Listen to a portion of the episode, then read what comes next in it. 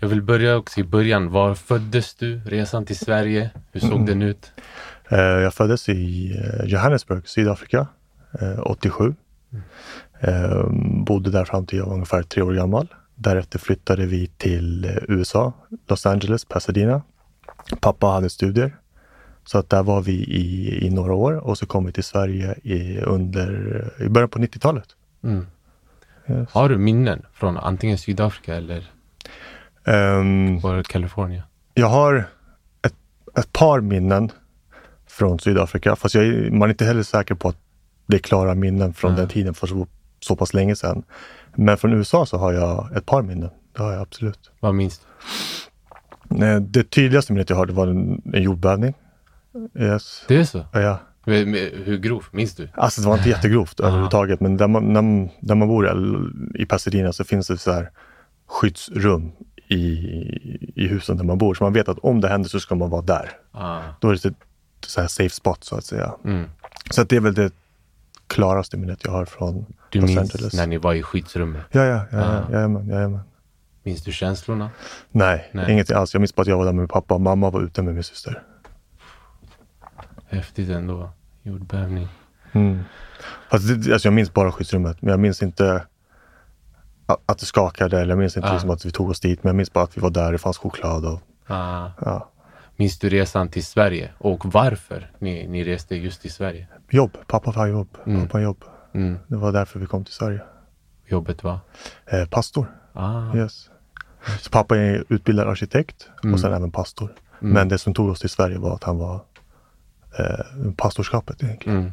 Har han jobbat mycket inom arkitektur? Ja, ja, ja, det har han gjort också. Eh, en hel del. Eh, så att, eh, men det var mest när vi bodde i Sydafrika i Mm. början av hans karriär. Mm. Yes.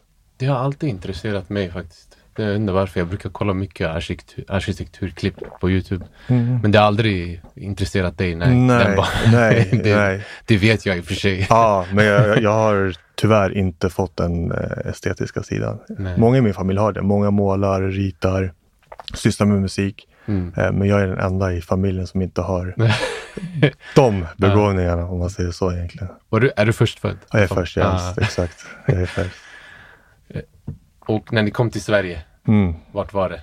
Eh, då var det först i Vinsta i Vällingby. Ah, Yes. Mhm. och därifrån? Därifrån först Vinsta i Vällingby, sen var det ett annat hus i Vällingby som låg eh, lite närmare Nälsta. Och därefter så var det Tensta. Eh, och det är där jag är egentligen uppvuxen i majoriteten av mitt liv. Mm. Ja. Och uppväxten i Tensta, Mm. hur skulle du beskriva den? Uppvuxen i Tensta, jag skulle beskriva den. ehm, extremt rolig. Ah. Ehm, utmanande. Ehm, hmm, det är svårt att sätta ord på exakt, men jag skulle i, i stora drag. Alltså jag har aldrig skrattat så mycket i mitt liv som när jag bodde i Tensta. För det finns en viss avslappnad jargong, man skämtar om det mesta. Så det var väldigt kul. Samtidigt som fanns de här klassiska förortsutmaningarna egentligen. Mm. Mm. Om jag minns rätt, du skrev en gång en text om det här på eh, arbetsgivaren du och jag jobbade på. Back in the days. Ja, exakt. på intranätet, va? Exakt, exakt. Och jag minns exakt. rätt, du skrev någonting i stil med att uppväxten där var både på gott och ont. Ja, exakt. Det Minns jag rätt? Ja, ja, ja, det stämmer. Det stämmer. det var många år sedan, men ja, det stämmer. Det stämmer. Det goda förstår jag, det var roligt. Det var roligt. Gemenskapen. Det här liksom, när jag, när jag bodde när jag växte upp i Tensta, då var det så här. Alltså, du låste inte dörren, utan Mm. man kunde springa in hos grannen, grannen kunde springa in hos dig, ut på gården, in på fotbollsplanen. Liksom, det, var den, det var den miljön Det jag låter- växte upp i. Ja, det låter lite som alla andra förorter. Ja, som ja, var så ja, en gång i exakt, tiden. exakt, Ja. exakt, exakt. Kanske inte likadant idag skulle jag tro, men det var så när jag växte upp i alla fall. Va, vad tror du har förändrats? Mm. eh. Det, är, uh, det är en djup fråga. Det är en Ja. djup fråga. Utvecklingen, har det gått åt rätt håll eller fel håll? eh, enligt mitt tycke så har väl, om jag säger så här, jag, jag, jag skulle väl inte säga att jag skulle föredra att mitt barn, om jag, mitt, e- min egna son växte upp i Tensta under de åren som jag växte upp i Tensta mot idag. Garanterat. Mm. Mm. tror jag. precis. Jag upplever att kanske klimatet är hårdare idag. Ja. Vad tror du saknas? Vad, vad tror du saknas för att få utvecklingen att vända till det bättre? Det behöver inte vara... Att, När du förorten, alltså, generellt, i sig, generellt ja, bara? Ja, du behöver inte liksom säga 15 förslag, men typ mm. ja, på ett ungefär. Uh, jag tror väl jag kan bara relatera och reflektera kring min egna uppväxt. Mm. Jag tror väl att de man såg upp till i förorten när jag växte upp är kanske inte samma profiler som man ser upp till idag. Så där skulle jag kanske vilja, där hade kanske börjat, att man hade eh, porträtterat andra sorters eh, förebilder mm. eh, gentemot vad man har idag. Jag, jag upplever mer att när jag växte upp så var till exempel, det, det, i viss mån är det väl så idag också, men till exempel de stora profilerna när jag växte upp och de äldre som man gärna ville spela fotboll med, de, det var fotbollsprofiler. Det var profiler som antingen liksom spelade ganska högt upp i eh, juniorsystemet, pojkarsvenskan, junior, eh, juniorallsvenskan. Eh, och det var, de hade en viss dragningskraft till sig för de hade åstadkommit någonting.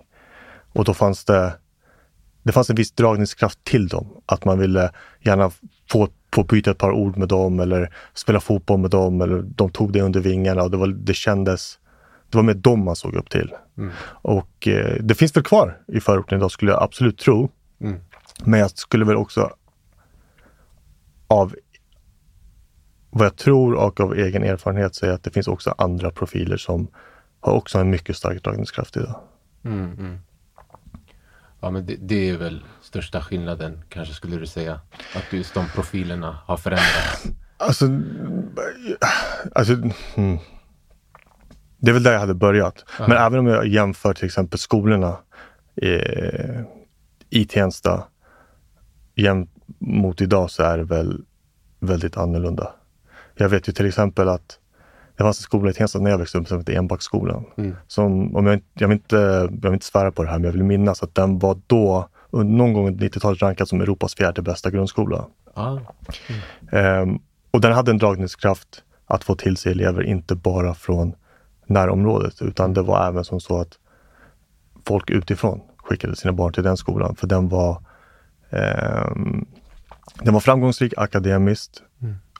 men den var även den, den lyckades med integrationen. Det var, det var mycket blandat svenskar och eh, individer med invandrarbakgrund. Mm. Mm. Och jag skulle, ja, på senare år, de senaste åren jag bodde i Tensta, det visst det är många år sedan nu, men det fanns inga skolor där då som det fanns när jag växte upp. Färre? Mycket, mycket alltså det finns ju skolor, men inte av den kalibern Aha. skulle jag säga. Yeah. Den kvaliteten. Den kvaliteten och, uh, uh. som lyckades med integrationen, som lyckades med det akademiska, uh. som lyckades locka till sig eh, elever utifrån också. Varför tror du skolan var bättre då? Varför, varför saknas den kalibern idag? Det är lite så jag det, tänker. Det vågar jag inte svara på, men jag skulle väl tro att det har mycket med det fascinerande egentligen att de kunde gå från att vara en så etablerad, välkänd skola till att jag tror till och med att de stängde ner skolan Aha. ett tag, har jag för mig. Men det, ja, jag tror jag för mig det. Mm. Men det är, ändå, det är ändå fascinerande att ni gick på en, från en sån resa till att stagnera så pass hårt. Nu ska jag inte prata så där illa om enbaksskolan egentligen, men, eh, men det är väl den upplevelsen jag har ifrån eh, när jag växte upp. Och vad det beror på? Jag skulle väl tro på att det beror på ledarskap, eldsjälar, vilja, mm. pengar. Alltså mm. jag tror att det är en, eh, en häxblandning utav ja. många, många, många, många faktorer mm. egentligen. Kombination av allt. Ah, ja, ja, det skulle jag verkligen tro.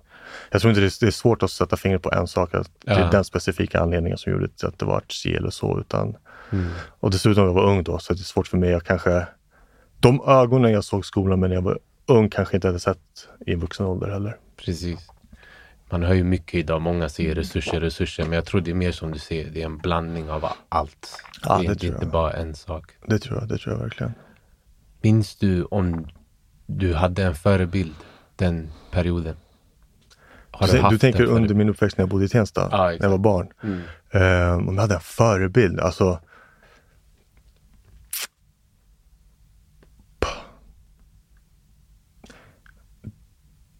Inte på rak arm, att det var Nej. någon så här, den ser jag upp till, den vill jag vara. Men jag spelade fotboll hela mitt liv. Så att det skulle garanterat vara någon som var i de svängarna. Så favoritfotbollsspelare? Eller förebild? Du tänker i, utifrån svenska då, eller? Nej, alla. Allt. Alla? Ja. Oj! Den som är nummer ett, som var då. Då, när jag var ung, Ja. ja. men då, då, då var det mycket Michael Owen, Steven Gerrard, Aha. den generationen. Mycket Liverpool, ja. England, ja. ja. exakt. Engelskt Liverpool. Mm. Det var däromkring, det var däromkring som de eh, idolerna jag hade, eller de fotbollströjorna som jag köpte och Ja. de namnen jag ville vara Ja. egentligen. Och- Men om man ska vara helt ärlig, om det kommer till om det kommer till förorten, den första som var så här som hade lite så här stjärnstatus som man också kunde se på gården, spela fotboll med, bli vän med Martin Mutumba. Ah. Ja. Mm. Han var ändå en, han var en profil. Han, han är från Ja. Rinkeby. Ja. Jag växte upp i Tensta. Ja. Så jag såg inte hela den utvecklingen. Ja. Eh, Men absolut från högstadiet när jag gick i Rinkebyskolan, då var det mycket M9, mycket Martin. Har du själv spelat med honom? Alltså jag, jag har aldrig spelat fotboll med honom. Jag, Har du pratat med honom? Ja, ja, ja jag och hans Ah. lillebror var goda vänner. Ah. Vi spelade samma fotbollslag så jag har varit hemma hos honom när jag var yngre. Men Ah. jag själv har aldrig haft en nära relation med honom. Men, liksom, Ja. ja. Ja. Och du också, är det AIK?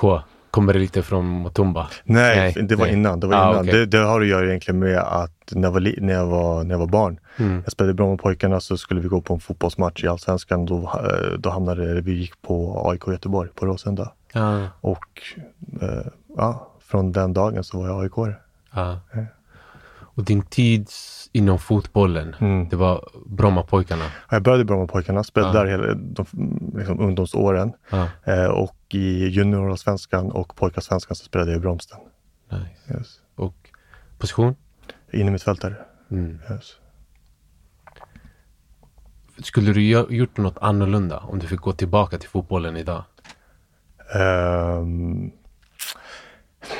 ja, för det, jag, jag har ju mer kunskap Ja. idag. Så jag Ja. vet ju kanske lite annorlunda vad som hade krävts och man behövt göra. Mm. Eh, mycket mentalt. Mm. Ehm, jag tror att de flesta som jag spelade med trodde ju på riktigt att vi skulle bli proffs allihopa. Men Mm.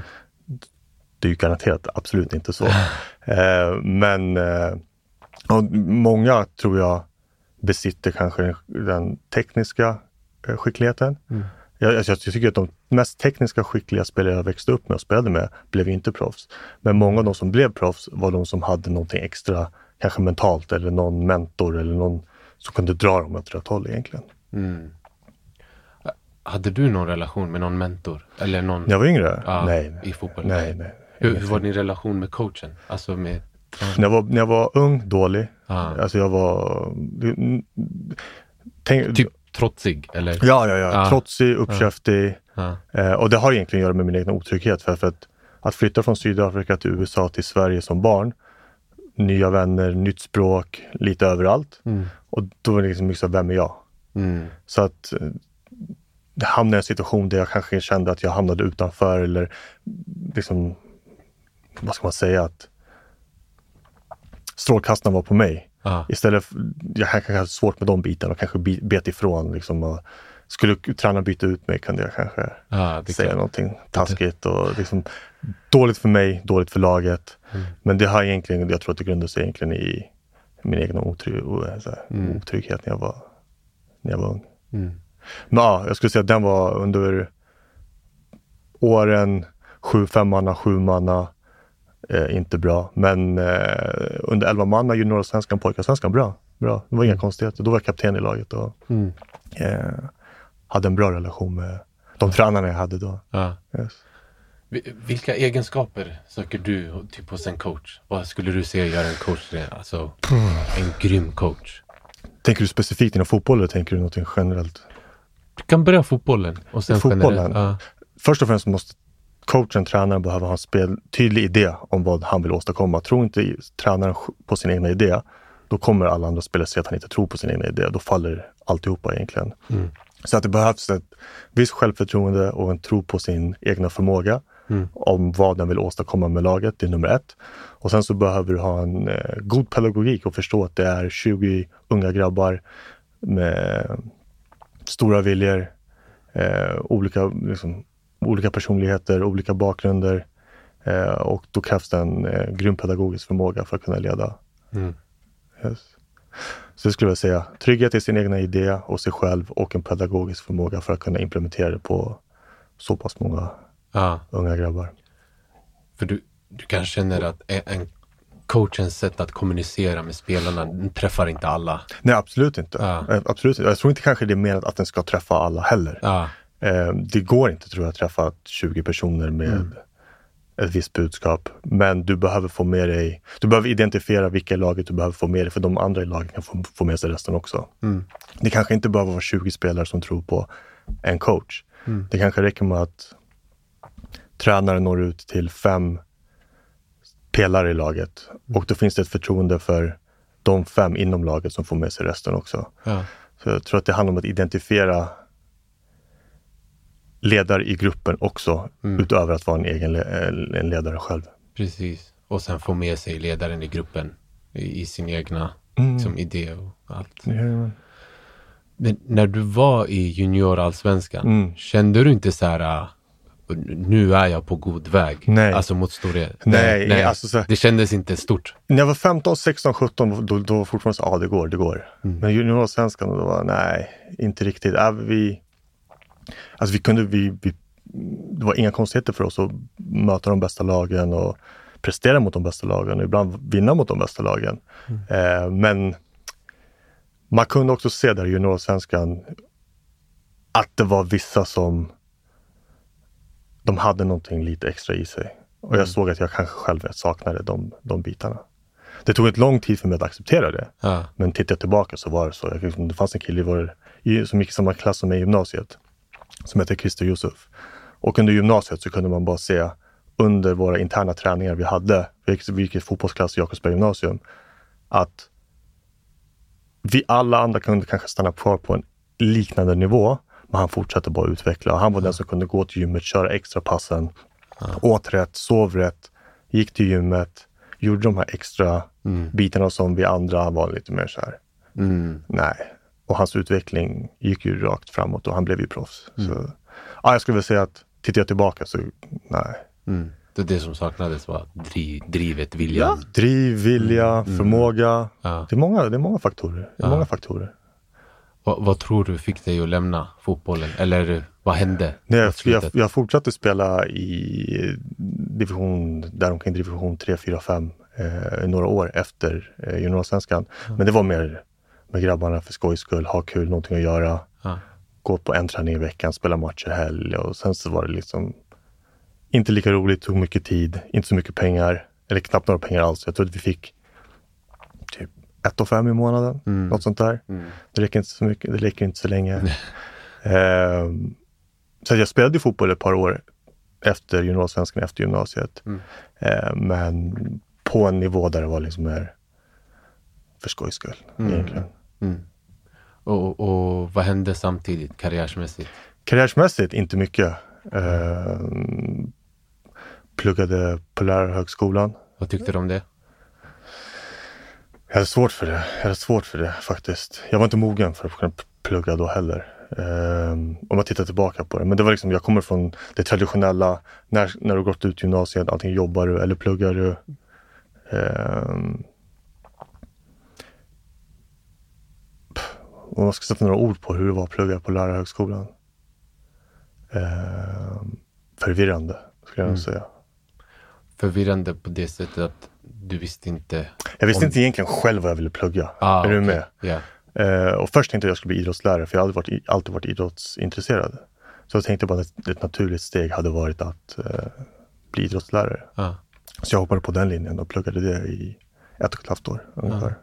Sen så märkte jag efter ett tag det här, det här, jag vill inte det här Ja. egentligen. Ja. Och då hoppade jag av och började jobba istället. Ja. Och om du fick eh, studera om?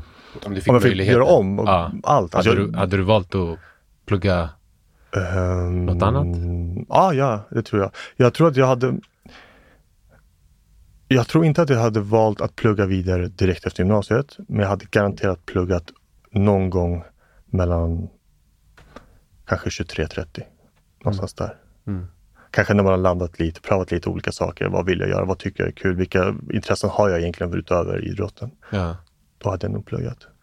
Ja, Det är också något jag faktiskt tänker också tillbaka på. Om jag hade backat tillbaka, jag hade lätt tagit så ett sabbatsår där jag reser Mm. runt framför allt. Mm. Ehm, och utforskar och tänker igenom verkligen så här, vad vill jag bli? Mm. Sen välja eh, Ja, skola. men jag har också haft, jag har alltid brottats med en idé sedan jag var barn.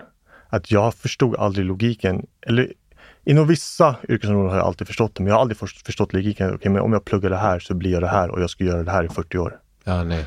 För mig har det varit Det, jag, totalt orimligt. Ja. Är så här, okej, men jag pluggar till lärare och jag ska vara lärare i 40 år nu. ja, Brinner du för barn, brinner du för deras utveckling kan jag förstå det. Men så här, bara idén om att jag ska göra samma sak i 40 år har alltid varit så här, nej, jag vill pröva det där, jag vill pröva det där, jag skulle testa vingarna inom det området, jag skulle vilja lära mig mer inom det området. ja. Så jag har alltid varit liksom så nyfiken på mycket. Mm. Eh, och jag förstod när jag var ung, eller jag tänkte alltid när jag var ung att jag förstod inte de som pluggade till, jag ska bli revisor och så gör du revisor i 40 år. Ah, Missförstå mig, inget Nej, illa mot, nej. det som, mot de som har gjort det och tycker om det. Mm. Men jag förstod inte det. Jag förstod inte det. Och jag förstår fortfarande kanske inte det idag.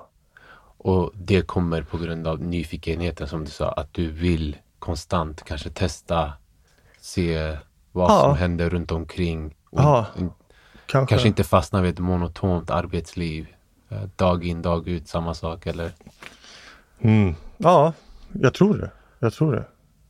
Jag tror det. Jag, jag, jag, kanske, jag har inte tänkt alldeles för mycket i det, men Mm. Jag skulle väl säga att jag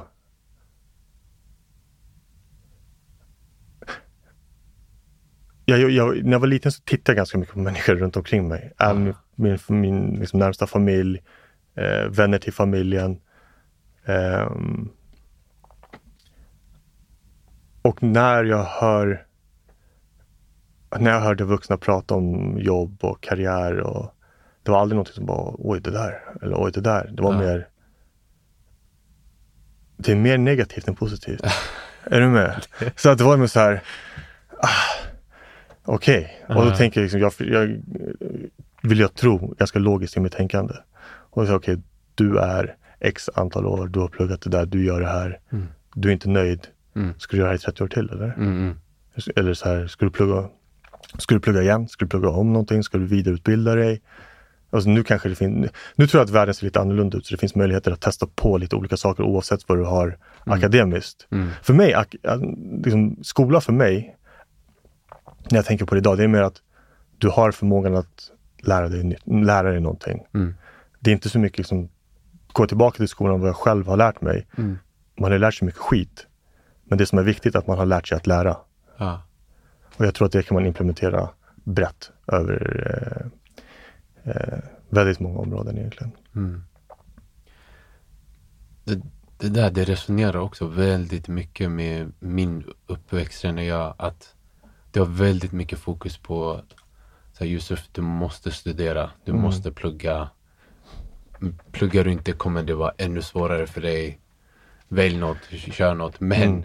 men samtidigt som du sa, när man hörde vuxna i sin omgivning prata om sitt jobb, Mm. Sina jobb, det var alltid negativt. Och även från de som faktiskt var Ah, högutbildade. ja, ja, ja. Det är antingen klagade de på arbetsgivaren eller systemet eller resurserna. Ja. Det är alltid något. Det blir väldigt svårt att motivera då en ungdom till att plugga när man har, ser svaren rakt framför sig. Ja, ja så, men jag tror också det kan vara jag vet inte, det det vi får också tänka på att vi är uppvuxna inom en viss socio- socioekonomiskt, mm, socioekonomisk miljö. Ja. Så vi får ju också se kanske en repeterande bild utav en viss man, eh, individ. Mm. Eh, och det kanske inte ser likadant ut överallt. Nej. Det skiljer Men- i förorten. Jag, jag, Mot jag, övriga. jag skulle vilja tro det. Jag vet inte. Jag tror absolut. Men jag, jag skulle vilja tro det i alla fall. Ja. Skulle du säga att du ser annorlunda idag på om ditt barn Mm. skulle säga Pappa, jag vill inte Jag kommer, studera. jag kommer, eh, jag kommer garanterat prata gott om studier. Ja. Eh, garanterat. Mm. Men eh, det är inte liv och död. Ja. Och känslan var ju för det, eller oss. Ja, att det, var, lite, lite, lite ja. alltså inte, jag ska inte säga att mina föräldrar, mina föräldrar var inte på liv och död med mig när det kommer till studier, men det skulle ändå göras. Jag kommer från en akademisk familj. Tittar man he- hela min familj, jag har pluggat, jag har, liksom, jag har pluggat några år, jag har gjort andra kurser, liksom, jag har gjort en hel del, men jag har ingen färdig utbildning. Jag har ingen examen eller någonting, även om jag har pluggat i väldigt många år efter gymnasiet också. Men jag är den enda i vår familj. Och i en närmsta liksom, kusin, ja, men ja, jag tror att jag är nästan den enda som inte har en färdig examen egentligen. Mhm, mm. Så det fanns ju, jag, jag, i den kulturen inom familjen var liksom att man, Ska. ja, du ska studera liksom. Mm. Lärarhögskolan. Mm. Och sen var det ett arbete. Ja, jag började arbeta. Men jag, jobbade lite ströjobb under, under hela den perioden också. Jag jobbade på fritids, jag jobbade på café. Mm. Eh, men det första, ska jag säga, riktiga jobbet eh, skulle jag vilja säga, liksom, där jag fastnade ett bra tag var nog eh, eh, inom logistik Ja. eh, på Coops centrallager i Ja. eh, Upplandsbro. Ah. Så va- det var lagerjobb? Eller? Ja, exakt. Det började Ja. som lagerjobb och sen Ja. successivt blev det arbetsledare. Men det var egentligen det som var Mm. det första riktiga jobbet. Jag gjorde en hel del jobb innan det också, även på Systembolaget. Ja. Eh, Men eh, det var där liksom... Det var där, under de, jag var där i fem år. Eh, I en del olika roller på, på, på Coop centrallager i Upplandsbro. Och det, det är många minnen där och många vänner jag har kvar där. Ah. Vissa av de vänner som du vet att vi har gemensamt, de kommer ju därifrån. Ah. Ja. Eh, men det var egentligen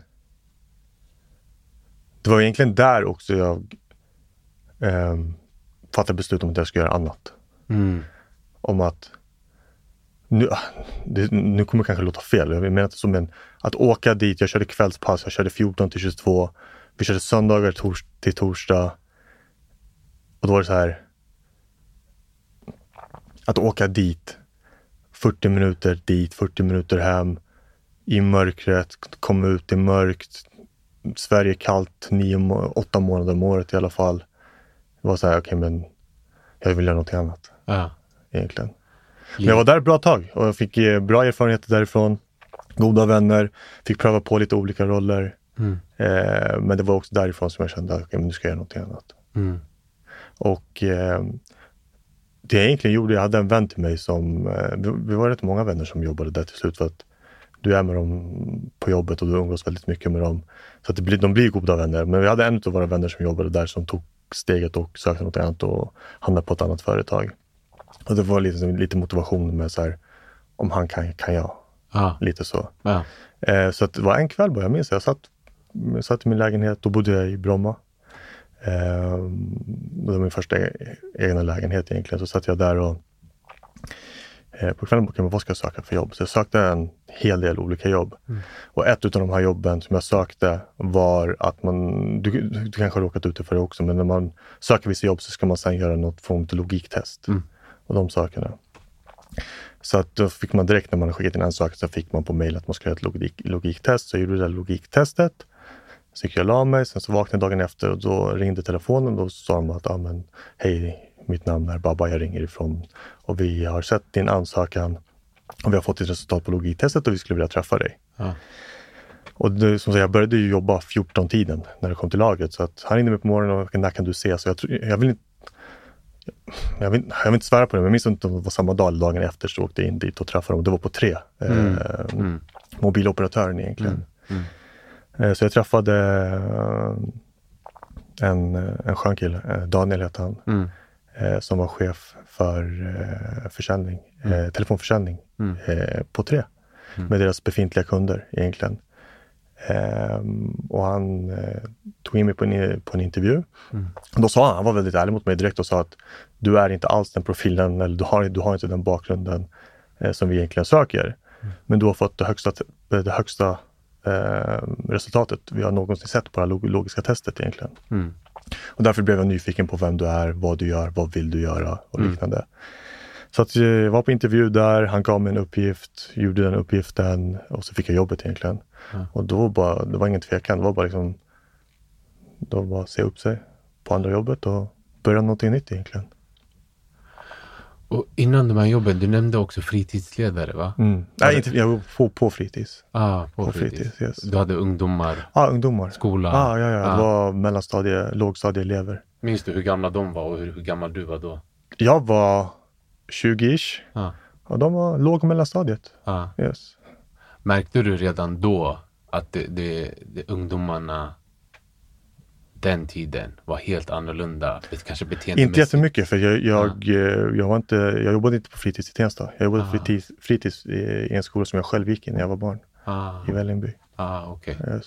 Ah, okej. Ja, De, märkte inte en, de märkte inte en jättestor skillnad, nej. Det gjorde de nej, inte. nej. Och sen blev du väl chef också?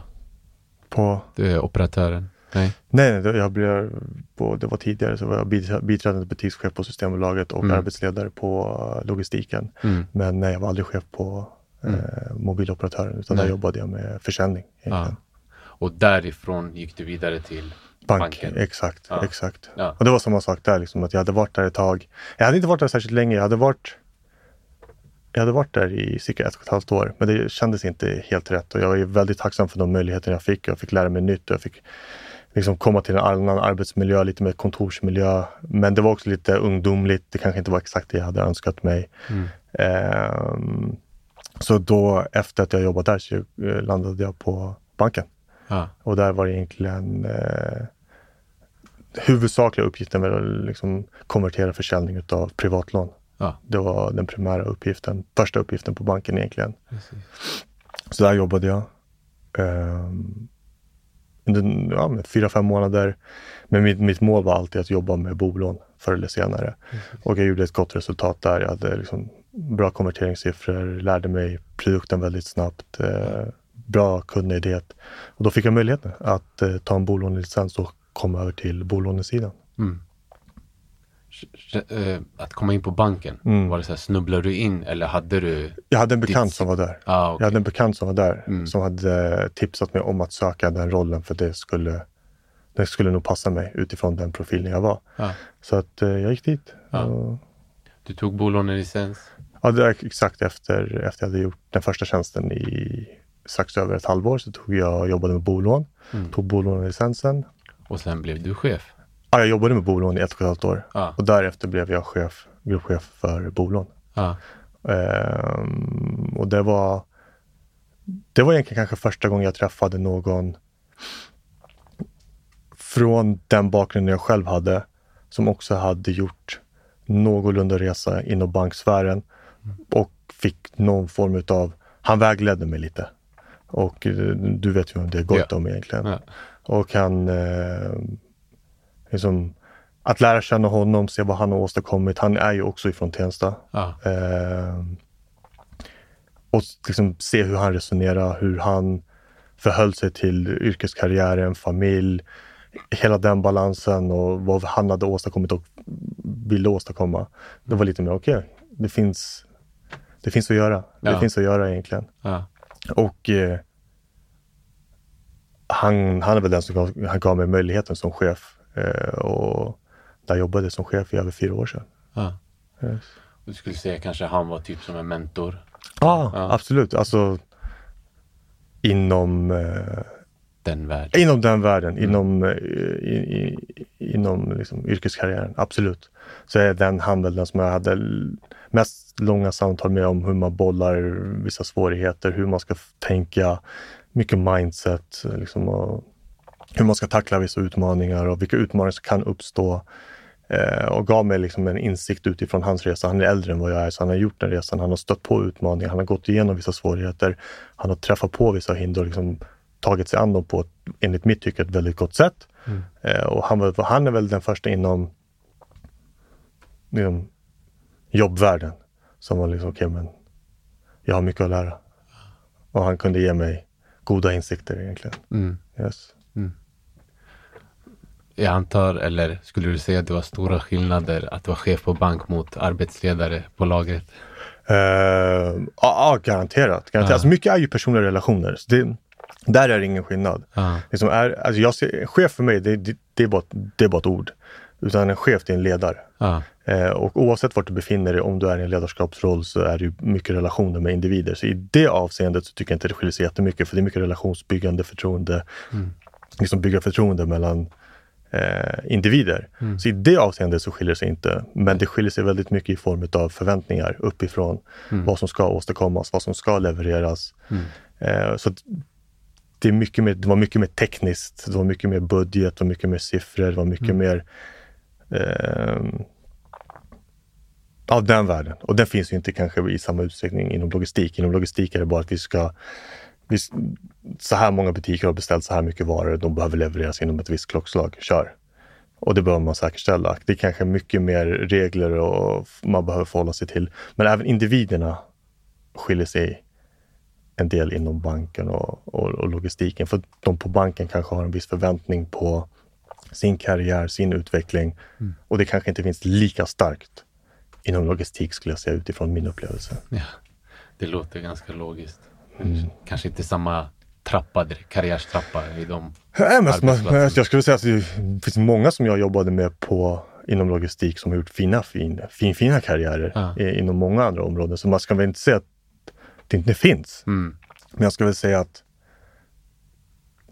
den stereotypa profilen skiljer sig ändå en del. Ja. Yes, Ja. absolut. tänker också, vad, vad, är, vad skulle du säga är ett par lärdomar som du har fått som chef? Som chef, Ja. alltså jag tror att den den största lärdomen av de tre chefsrollerna jag har haft och som tar med mig, det är att du måste vara ärlig mot dig själv. Du kan inte driva en agenda som du inte själv tror på. Du kan inte driva någon annans budskap som inte ligger i linje med dina egna värderingar, din egna moralkompass. Eh, du behöver vara trygg i vem du är som människa, hur du vill behandla människor. Eh, och går inte den ekvationen ihop Ja. så behöver man vara ärlig mot sig själv och inte försätta sig i en situation där man sätter sig i kläm varje dag. Mm. För då blir det ändå inte bra. För trivs inte du, det kommer synas på ditt ledarskap. Det kommer synas i teamet, i gruppen, på avdelningen. Och då, då, då kan det uppstå ut, ö, utmaningar. Även om relationen är god med din avdelning, med ditt team, så har du ändå 50% med dem och 50% med Uppåt. Ja, andra som du måste förhålla dig till egentligen. Och liksom det skär det sig, skär det sig utifrån ett mänskligt perspektiv, utifrån hur jag ser människor, hur jag ser världen. Ehm, så med facit i hand så kanske jag inte hade bort vara kvar lika länge på banken som jag var. Ja. Jag tror att fem år hade räckt. Jag kanske, sista året kanske var lite, Mm. det var bara lite så här, Det var totalt sex år. Ja. Ja. Så jag skulle säga sista året var jag lite mer... Alltså det, det, det är inget jag ångrar. Det är ingenting jag tittar tillbaka på och bara fan, så borde jag inte ha gjort eller så eller så. Men med lite mer erfarenhet och att ha fått lite distans från det så kanske jag borde gjort någonting annat efter fem år. Ja. känner jag. Så en stor lärdom är alltså tro på din agenda. Där i början. Alltså du måste... Det Ah. känns ju lite som att typ när man brukar säga den världens duktigaste säljare kan inte sälja en usel produkt. Det är lite den filosofin. Jag vet, ja, jag vet, det är kanske svårt att sätta ord på det exakt vad jag vill, vad jag vill, vad jag menar, men jag tror att mycket handlar om du måste, måste man också förstå att är du inte en C-level-chef, är du inte på den nivån, du är mellanchef. Ja. Du kommer inte få driva din egna agenda till fullo. Du, kom, du, du har, det finns en budget, det finns en eh, mission vision som kommer uppifrån som du ska driva. Sen så måste det finnas ett förtroende för ditt ledarskap att driva det på ditt sätt. Ja. Men eh, I slutet och av... det, är inga, det, är inga, det, ska, det ska inte vara problem egentligen. Det är så det funkar eh, liksom, inom den världen. Men eh, du behöver också kunna titta på dig själv i spegeln varje dag. Liksom så här, ja, ja, ja, jag tror på det här, jag har gjort det här. Ja. Och inte liksom känna att fan, nu ska jag gå in idag och driva den agendan, men jag tror inte ett dugg på den agendan. Och jag tror inte ett dugg på det sättet att göra det på Mm. överhuvudtaget. Mm. Utan jag hade gjort det på ett helt annat sätt. Då hamnar du, du hamnar i en intern konflikt med dig själv. Ja. Om du förstår vad jag menar. Ja. Och med facit i hand och med lite erfarenhet så kanske det, det skadade mer i längden än det gav. Ja. Och hade jag varit, varit hade jag haft större självinsikt då så hade jag Ja. förmodligen sökt mig vidare lite tidigare. Ja. Ja.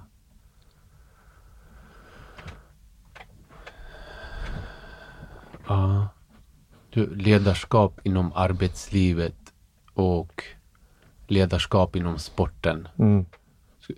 Skulle du säga, vad är de stora...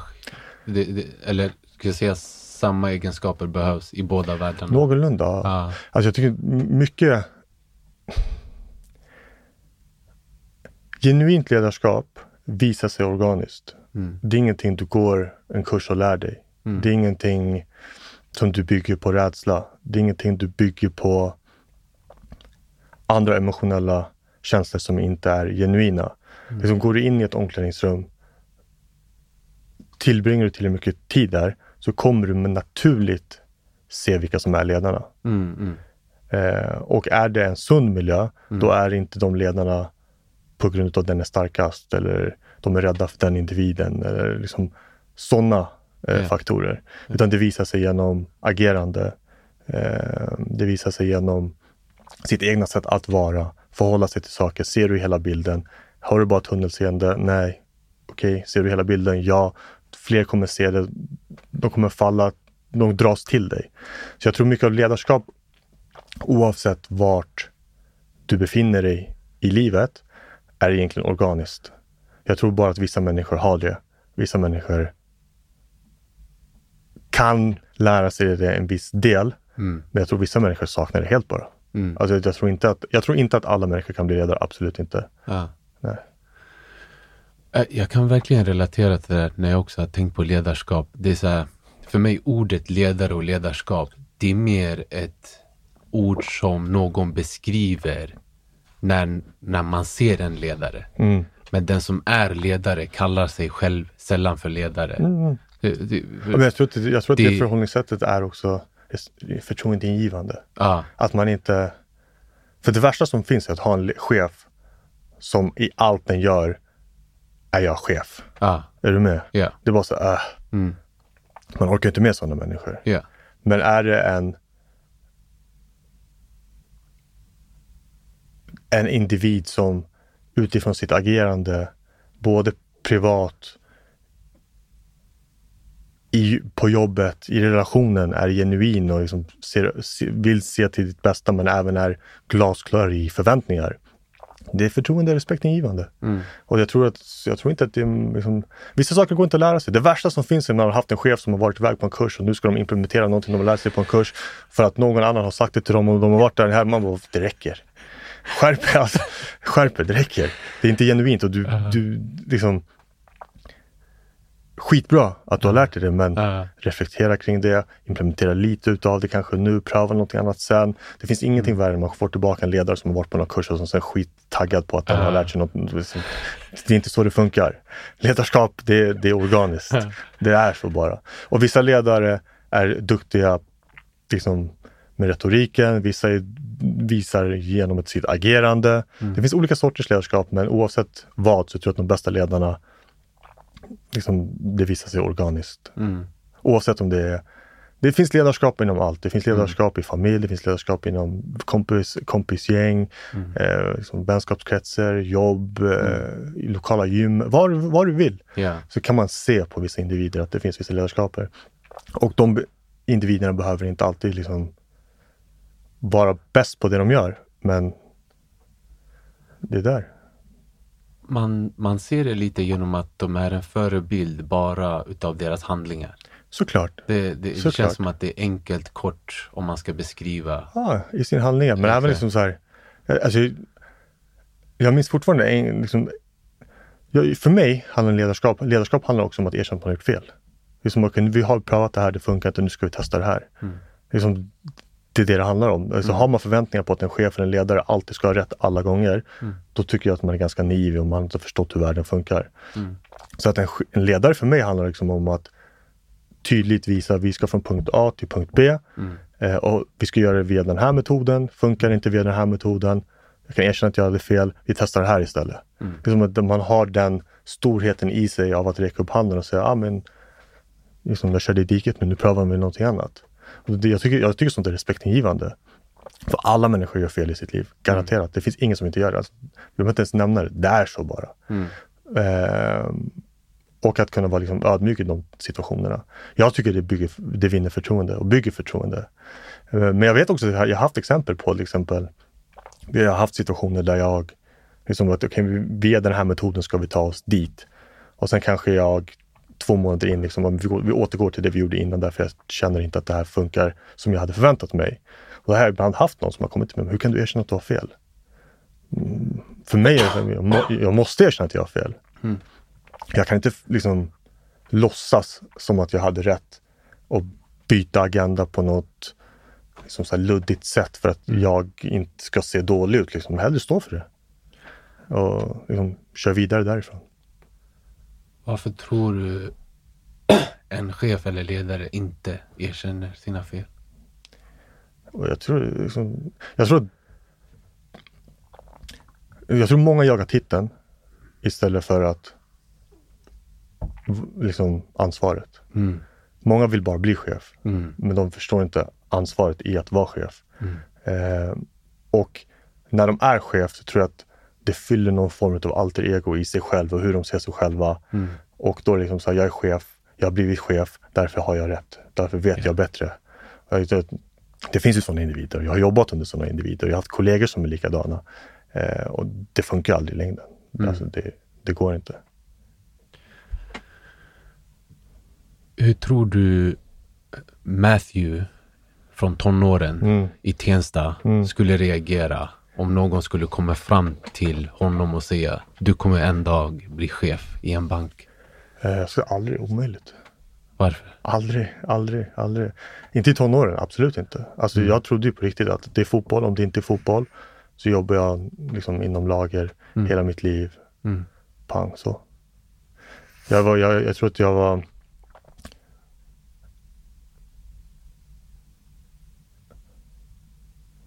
Jag tycker ju själv, när jag reflekterar kring mig själv, att jag har gjort en viss resa, men jag tycker inte att min resa är så här wow, överhuvudtaget. Jag tycker Ja. inte det. Ja. Genuint. Jag tycker det finns många andra i förorten som har gjort mycket större, sjukare resor. Ja.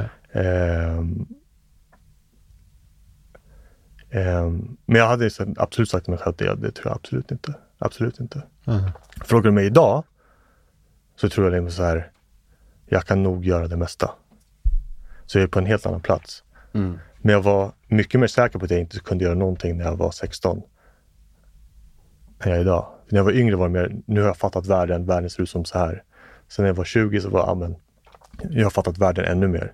Sen när man, började 25 var det så här, men jag har inte förstått, jag har inte förstått särskilt mycket. Sen när man är 30 var det så här, jag har inte förstått någonting. Och sen när man, nu när jag är 36, Ah. då är det så här, alltså jag vet ingenting.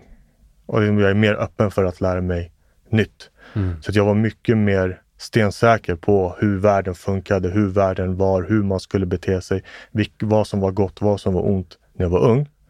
Men idag, och vad som var rätt och fel och hur världen såg ut. Men idag liksom är det så här. Nej, Ja. alltså jag har full förståelse för att människor är olika, tycker olika, tänker olika. Förstår helheten på ett annat sätt tror jag. Och jag är mycket mer öppen för att jag inte vet någonting. Ah. Och att jag kan bli motbevisad. Att det jag tror idag behöver inte vara rätt imorgon. Det du beskriver, det låter lite typ som en resa inom visdom. Att du har blivit visare och mer vis liksom med tiden. Jag tror, alltså, jag, jag, jag, jag tror inte det är unikt för mig. Jag tror bara att det är Nej. generellt för Ah. alla i stort sett.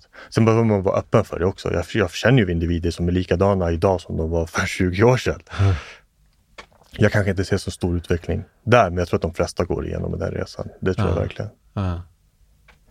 Det är något jag kan tänka på, typ så här, hur kan man få in visdom till en tonåring idag? Det tror jag inte det går. Det är väldigt svårt. Jag tror inte det. Alltså om vi tittar biologiskt, om vi tittar biologiskt, om vi tar killar per se, Mm. då vet vi ju att eh, biologiskt så är vi inte färdigutvecklade till runt 25-årsåldern. Liksom hjärnan är inte färdigutvecklad och mycket av den delen som blir sent utvecklad är ju konsekvenstänket. Mm. Och visdom är väl erfarenhet och att kanske förstå hur saker och ting hänger ihop, konsekvenstänk och liknande. Så jag, jag tror att det är extremt svårt att lära jag säger inte att det är omöjligt, men jag, tror att det, jag, jag vet inte, men jag tror att det är extremt svårt att lära ungdomar ordet, att, att kunna vara vis. Ja. Det, det, det, det tror jag kommer med åldern och erfarenhet. Ja.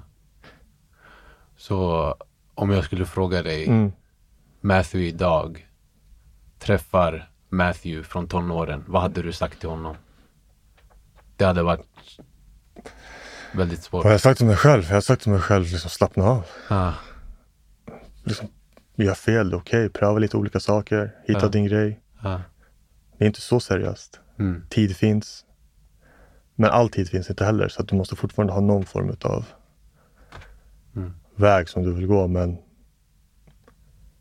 de besluten du tar idag kommer inte vara så viktiga om några år. mm, Det är som att känn inte stressad över de bitarna överhuvudtaget. Mm. Det var där kanske jag hade börjat, tror jag. ja, Jag är ganska, jag är ganska likadan idag. Jag är inte så här...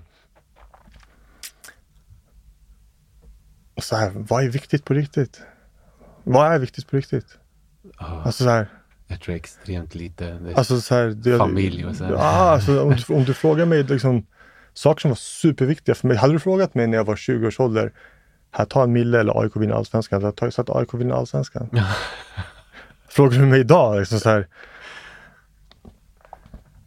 ta 100 miljoner eller ditt barn är garant, alltså friskt, alltså pengar väger inte tyng, tungt mm, nu. mot, Alltså, ah, alltså åt något håll, det är viktigt på riktigt. Det som är viktigt på riktigt, det är bara de, nära och kära är friska. mm, Det är det. Och det som är viktigt för mig personligen, det är att jag fortsätter utvecklas inom olika områden. Det är typ det. Är typ det. ja, Men jag ser inte mig själv som... som när jag jobbade på bank, jag såg inte mig själv som banktjänsteman. nej, När jag jobbade på lager, jag såg inte mig själv som logistikanställd. När jag jobbade med, på tre, jag såg inte mig som en försäljare. Alltså så här, jag, vad, jag, vad såg du? jag är Matthew. Ah, Jag prövar någonting nytt. Jag får lite erfarenhet. Vad kan jag ta lärdom härifrån? Vad kan jag lära mig? Finns det någonting jag vill ta med mig härifrån? Vill någonting jag lär känna mig själv som jag måste jobba på? Liksom, när jag jobbar idag, liksom, som jobbar med riskanaly- eh, som riskanalytiker. Jag, jag går inte omkring och säger Matthew riskanalytiker. nej, Alltså, det är bara någonting som har ja, kommit. Ja. Men mitt, mitt jobb definierar aldrig vem jag är. mm. Det är bara någonting jag gör. Och om du fick möjlighet att välja en helt annan karriär, är det något du har tänkt på? Du tänker drömkarriär? Fotbollsspelare? Ah, Ja, fotbollsspelare. men om du, om du backade till, säg, eh, innan ditt första jobb, skulle du valt något annat? Alltså valt, alltså jag vet Ja. inte. Alltså, det, är klart, det är klart jag tänker så här. Hade jag gjort någonting annat i den åldern kanske jag hade varit på en annan plats idag. Men så här, jag, jag vill inte göra ifs, buts, whats. Ja. Skit i det där. Ah, Liksom, det jag har gjort har jag gjort och det har Mm. tagit mig dit jag är. Jag har träffat min fru och jag har min son och jag har mina vänner och god relation med min familj och hälsan i behåll. mm, Alltså egentligen, jag, jag, alltså, jag behöver ingenting mer. Det finns ingenting mer jag önskar mig. Det är klart att jag har mål, jag har ambitioner, det finns saker jag vill åstadkomma. Det finns, Mm. det finns garanterat materiella saker som Ja. jag vill åstadkomma också. ja, Alltså garanterat. mm, Men det är sekundärt. mm. Det är inte, det är inte, det är inte jätteviktigt. Alltså. Nej. Så egentligen, det där är en ganska viktig egenskap, att man tar inte sina beslut på så stort allvar. Oavsett vilken period du är i ditt liv, även om du råkar ta ett dåligt beslut. Det kan alltid bli bättre.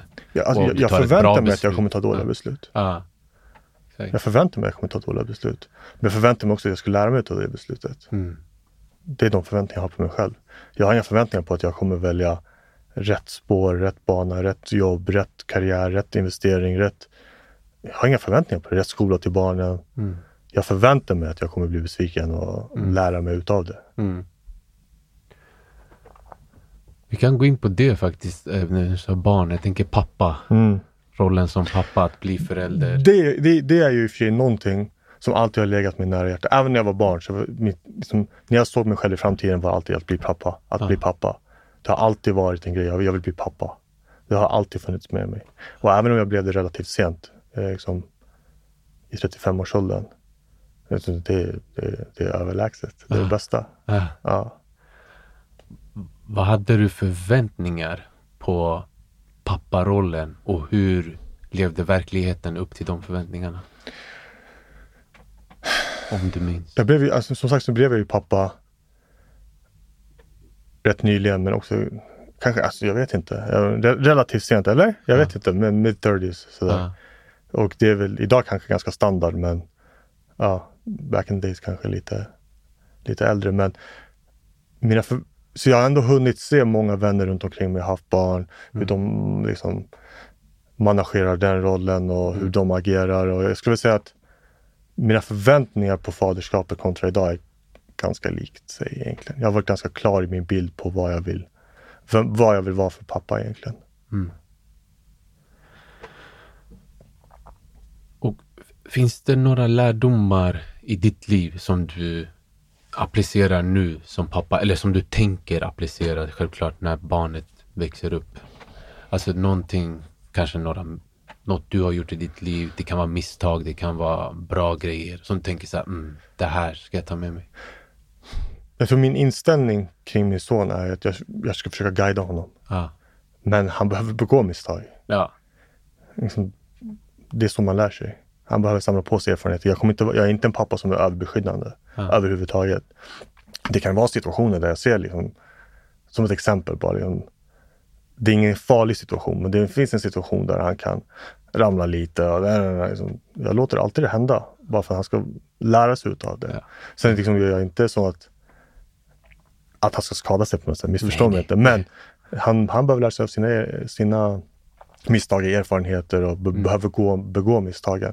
Så jag, jag vill vara där för att stötta, ge han kärlek, guida honom, eh, liksom alltid finnas där för honom. Men jag var tjockhuvud när jag var barn. Alltså jag var tjockhuvud. Jag var, min pappa kunde inte säga någonting till mig. Ah, Alltså jag var, jag var, jag var jobbig, jag var rebell. Och det var så här, jag var trotsig. mm, Och jag har gjort massor av saker som jag absolut inte borde ha gjort. Eh, men jag har också lärt mig av det. Och det är väl lite så jag tänker. Att jag vill inte att min son ska vara lika tjockskallig som jag var. aha, Men eh, han är fri att vara sin egna person och göra sina egna misstag och lära sig utifrån de erfarenheterna och mm, skaffa de intressen han vill ha. Jag kommer vara som så. Jag, liksom, jag, har- jag har ju lärt mig mycket av fotbollen. Jag har lärt mig mycket i omklädningsrummet. Jag har lärt mig mycket av de relationerna. Så jag kommer ju såklart guida honom i, inom den inriktningen ibland. Det är klart att jag vill att han ska spela fotboll. Det är klart att jag vill att han ska liksom lagsport och den dynamiken och allt vad det innebär och lära sig vinna, lära sig förlora. För Jag har lärt mig mycket av det. Men det är klart att om han väljer att måla, måla. Liksom, syssla med musik, syssla med musik. mm. Gör det du vill göra. Men eh, jag kommer försöka liksom, tala om för honom liksom, att väljer du den här vägen så finns det de här konsekvenserna. Ja. Det här behöver du tänka på. De här möjligheterna, möjligheterna kanske finns. Så jag liksom guida honom men inte, inte styra honom på något sätt. Så, om han skulle visa dina tendenser Mm. som du hade i ungdomen, Mm. hur, hur tror du du hade tacklat det? Eller hur, hur, skulle, hur skulle din inställning vara? Jag hoppas att han inte gör det. Eh, men min första... liksom, Tittar jag tillbaka på min egna barndom, mycket handlar ju om så, här, otrygghet, passa in, pappa, pappa och liksom, det har med de sakerna att göra. Så därför försöker jag ge honom en så trygg miljö som möjligt med pröva på nya saker men inte för stora omställningar som gör att det rubbar hela hans verklighet. Så att för att försöka förhindra det så handlar det mer om hur jag och min fru väljer att agera i våra beslut som rör hela familjen egentligen. Eh, Men skulle han, skulle han vara en sån skitunge som jag var? Det är en bra fråga. Det är en mycket bra fråga. Och det, helt ärligt, det känns också, det, det är omöjligt att svara nästan. Alltså, det är många år tills dess. Och ja. man, man vet Jag, jag, aldrig jag, vem man är jag, då. jag kan ju bara spåna på hur jag tror att jag skulle reagera. Mm. Men eh, alltså jag tror att jag skulle reagera hårt men rättvist. Ja, Det är mina ambitioner i alla fall. Ja. Mm, jag, som sagt, nu är min son bara ett år gammal. Mm. Ehm, och vi har mycket kvar i vår relation att lära känna varandra. Men mina ambitioner är inte att vara vän med min son. Mina ambitioner är att vara en pappa till min son. Och det betyder inte att vi inte ska ha en god relation också. Ja. Men, jag, behöver, men pappa, jag, jag tror en pappa behöver vara en pappa. ja. Och liksom inte för mycket bara leka, leka med, med, med grabben egentligen. Känns lite som att det där är kanske så här en opopulär åsikt va, i dagens samhälle. Jag vet inte. Jag Jag, vet jag, inte jag, kan- jag, jag, riktigt. kan, jag kan ju uppleva att Att- jag och det kanske är fel till mig att göra en sån bedömning för jag är ju inte hemma hos dem. Men många som jag kan se i samhället idag har en mer vänskaplig relation med sina barn Mm. istället för att vara en förälder. Det är min upplevelse, men jag säger inte att den upplevelsen är korrekt heller. Nej. Nej. Vad tror du konsekvensen är av det? En sån relation? Orimliga eh, förväntningar på världen, verkligheten. Mm. Det tror jag. Mm. Jag tror att det blir... Jag tror att man har... Jag tror att man kan få en chock när man kommer ut i verkligheten. Ja. Om man kommer med de erfarenheterna. Jag är inte säker på det, men det är vad jag tror i alla fall. Mm. Och av min upplevelse återigen. Jag, liksom, jag kan bara relatera till de individerna som jag kanske upplever har haft en sån uppväxt och sen lärt känna. Liksom, Det finns orimliga förväntningar på världen. Jag kan ju också ibland uppleva att det är mer jag är berättigad istället för att förtjänat. Ja. Om, säg om 30 år, Mm. hur skulle du vilja att din son beskriver dig? Du skriver mig? Ja, som pappa och hur du har varit som pappa. Det blir lite typ, vad är ditt Jag mål? skulle, jag skulle vilja att han säger att han känner sig älskad och att han känner att Typ att pappa fanns alltid där. Alltså älskad, det är ju ett stort ord. Ja, du? men eh, jag vet att han, när jag säger älskad då menar jag att han känner att det alltid fanns en trygg... Oavsett vad som har hänt så finns det alltid en trygghet att komma till oss. Till, mig och, till mig och mamma. Ehm, men även att... Men, återigen, det, är så, det är så svårt för jag vet inte hur jag känner om 30 år. Jag, jag, kan- så, som jag, så som jag svarar idag kanske inte jag svarar om två år. Ja. Men re, re, relaterar jag till min relation med min egna pappa. Ja. Min pappa var, väldigt, var väldigt hård mot mig Ja. specifikt. Den förstfödde av fyra syskon. Ehm, jag är tacksam idag för att min pappa var stenhård mot mig. För att, Ha, genom att han var stenhård mot mig, där och då så hatade jag det. Men jag lärde mig konsekvenser. konsekvenstänk. Ja. Ja. Och att jag tror att jag har haft stor nytta utav det senare i livet. Så ju äldre jag blir, när jag tänker tillbaka på mitt barndom, så är jag mer förstående till att min pappa var strikt mot mig. Och att det fanns konsekvenser för när mina handlingar var alldeles för knas. Ja. Och idag, din relation med din pappa, Den är god. den är god. Ja, Har du någon gång typ tagit upp om den perioden? Då ja, ja, var vi har pratat om det. Ja. Vi har pratat om det. Det är klart. Och det har klart varit känslomässigt från, mycket från hans håll. Liksom att han eh, liksom, kunde ha gjort någonting annorlunda. Liksom, jag tror, jag, jag vill inte sätta ord i mun på honom heller. Jag vill inte liksom, säga hur han till 100% känner. Men den uppfattningen jag fick av honom var lite mer Du var först. Du var försökskaninen-ish. Ja. Är du med? För jag vet att så som jag, så som jag blev uppfostrad, mina syskon fick inte samma uppfostran. Ja. Så jag tror att det var mer liksom så trial and error. Är du med? Och hur många syskon har du? Tre syskon, vi är fyra syskon Tutti. Så jag är äldst, en uh, yngre syster och två yngre bröder. Hur många år emellan? Min syster är två år yngre än mig. Min uh, närmsta bror är sex år yngre än mig och så har jag en bror som är nio år yngre än mig. Mm. Så du har ju minnen av hur, de, hur dina Ah, ja, ja, föräldrar ja, har ja, behandlat ja, dem? ja, ja. När jag var liten var jag arg. Jag var så, varför, varför är det inte likadant mot dem? Varför Ja. fick, när, jag, när jag var den åldern och gjorde så, då fick jag den konsekvensen och de Ja. får inte den här konsekvensen överhuvudtaget. Men ju äldre jag har blivit så har jag större förståelse, större liksom så respekt för hans försök. Mm. Och att jag tror att jag har lärt mig mycket av det, men jag förstod inte det där och då. Men när jag själv kom upp i en viss ålder kunde relatera till det, kunde gå tillbaka och tänka på vissa situationer och Mm. vilka konsekvenser det hade. Så jag tror garanterat att det har hjälpt mig senare, i- senare Mm. i mitt liv. Mm. Det tror jag. Mm. Men det, det var ändå, om jag förstod det rätt, det var ändå väldigt så här, ödmjukt och fint av din pappa att tänka, kunde han ha gjort något annorlunda? När du pratar om perioden när du var trotsig, förstår du? Alltså jag säger så här, han kanske inte har sagt de orden på det sättet rakt ut, men Okej. jag kan ju bara tänka så här. Jag vet ju att han var annorlunda mot mina syskon. Mm. Så det måste ju ändå ha landat någonting i honom att pröva det här istället. Precis. Är du med? Ja. Och jag tror att jag, anledningen till att jag och min pappa under många år pratade var på grund av fotboll. Det var båda har ett stort fotbollsintresse. Det var så okej, Mm. England spelar eller VM på tv eller Champions League. Så Då fanns det någonting gemensamt. Mm. Men utöver fotbollen under tonåren och Mm. nej, alltså vi, liksom, det var maktkamp hemma. Ja. Är du med? Vi kunde inte vara i samma rum Ja. eh, under en längre tid, bara så. Utan att vi liksom började tjafsa. Stångades. Ja, vi stångades. Garanterat, garanterat, garanterat.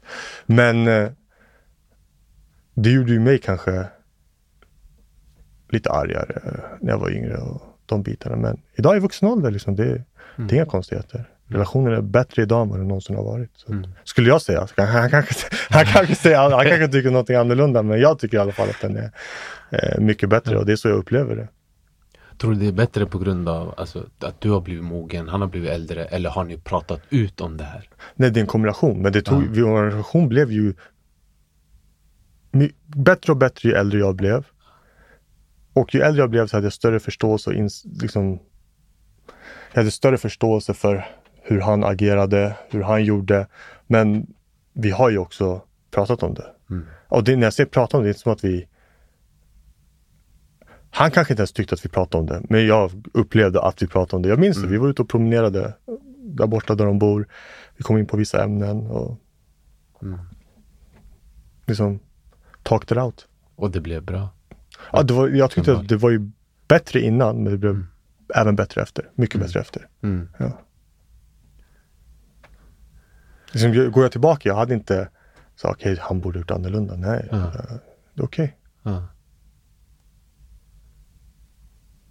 Det, det känns som just det när det kommer till uppfostran att, att kommunikation man pratar mycket om det mellan partners. Ja, men kommunikation är jätteviktigt. Communication is key. Mm. Men jag tänker att den, den är verkligen viktig genom hela livet. Att även också barn till förälder, förälder till barn. Mm. Det känns som att även vuxna barn kan bära med sig grejer eller trauman Mm. Som de fortfarande vill prata om. Men man gör inte det. Garanterat. Ja. Men Garanterat. Jag, jag kan, jag, alltså, om jag ställer frågan till dig så här. Är du samma individ som du är på jobbet hemma? Nej, nej. Absolut inte.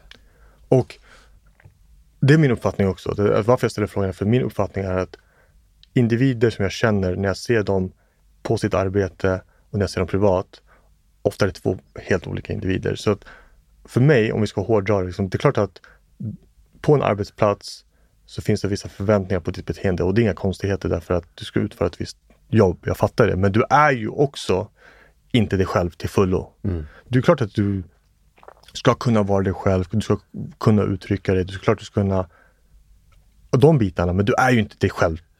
Tillsammans. Sitter du med dina tre närmsta kollegor Mm. och sitter med dina tre närmsta vänner och ska de spela in samtalen, det är olika samtal. Mm. Du är en annan jargong. Ja. Det, det är så bara. Det är, det är andra ämnen. Det är liksom orden du använder, förhållningssättet. Ja. Eh, Din öppenhet kommer vara annorlunda. Det är så. Ja. Och det jag kan uppleva om man ska relatera till att folk har vissa saker i barndomen. Det är specifikt när du är med dina närmsta vänner. Om vi bortser från jobbet, närmsta vänner och vi pratar om vissa ämnen eller vissa saker kommer på tapeten. Då tycker jag väldigt ofta att sånt kan lysa igenom. Ja.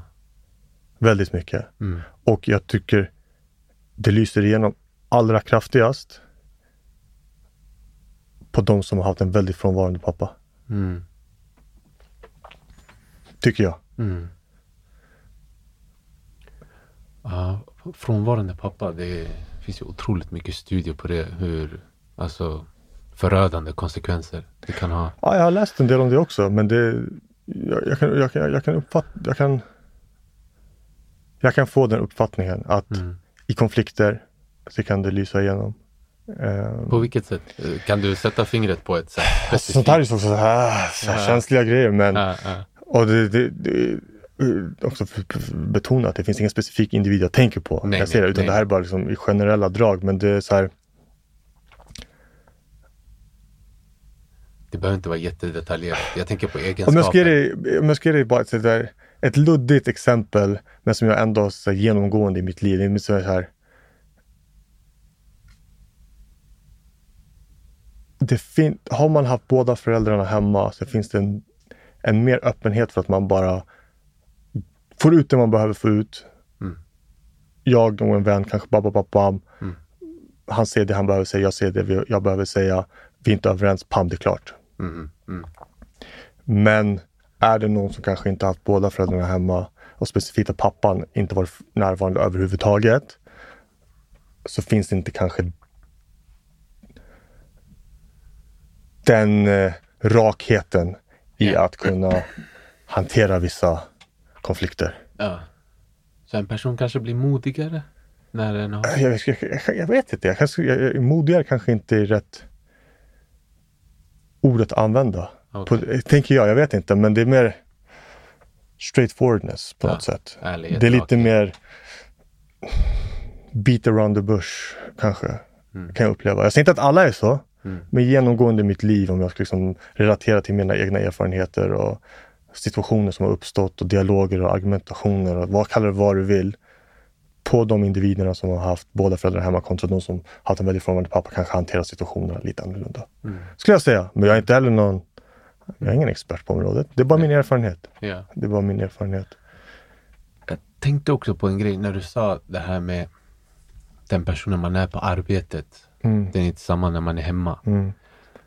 Men det jag också har insett det är den personen du är hemma är inte heller helt dig själv.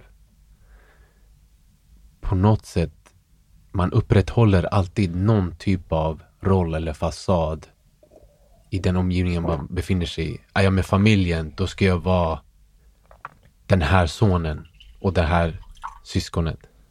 Är jag med mina vänner, då är jag den här vännen. Jag hör det, jag hör det. Jag, jag har fått väldigt eh, mycket den känslan att varje person går in i en roll. Och beroende på vilken omgivning och situation det. är. det men, Och det enda gången liksom man är helt sig själv, det är typ i ensamheten. Och, Ja, för, och för att vända på det också bara. Jag har också märkt att det är sällan familjemedlemmar ser ens riktiga jag.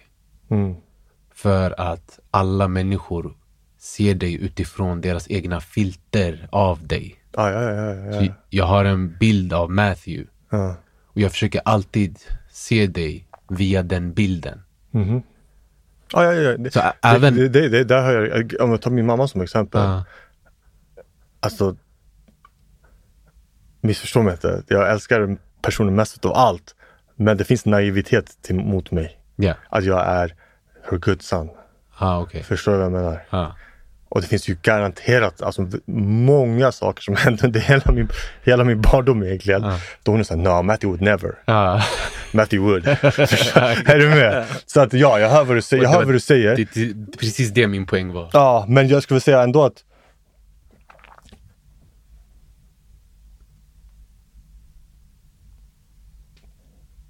Jag skulle säga att så här, om jag, mig, om jag bara reflekterar till mig själv över det du säger att när jag var yngre, idag när jag sitter och, när min familj pratar om vissa saker, idag pratar jag inte längre. Jag, jag säger inte vissa saker.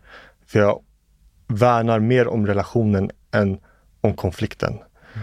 Om du förstår vad jag menar. Liksom Ja, att verkligen. pratar vi om politik, pratar vi om religion, pratar vi om relation, pratar vi om pengar, vad som helst.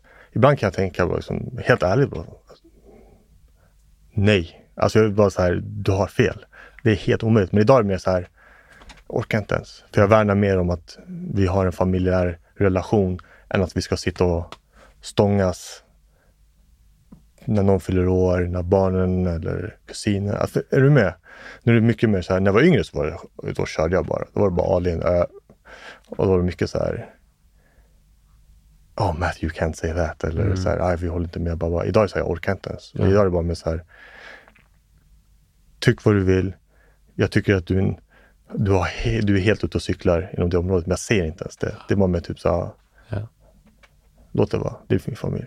Jag värnar mer om att vi har en god relation och att vi kan komma hit nästa söndag och käka middag hos mina föräldrar än att vi ska bry oss om vad det ena eller det andra tycker om den populistiska frågan eller den andra.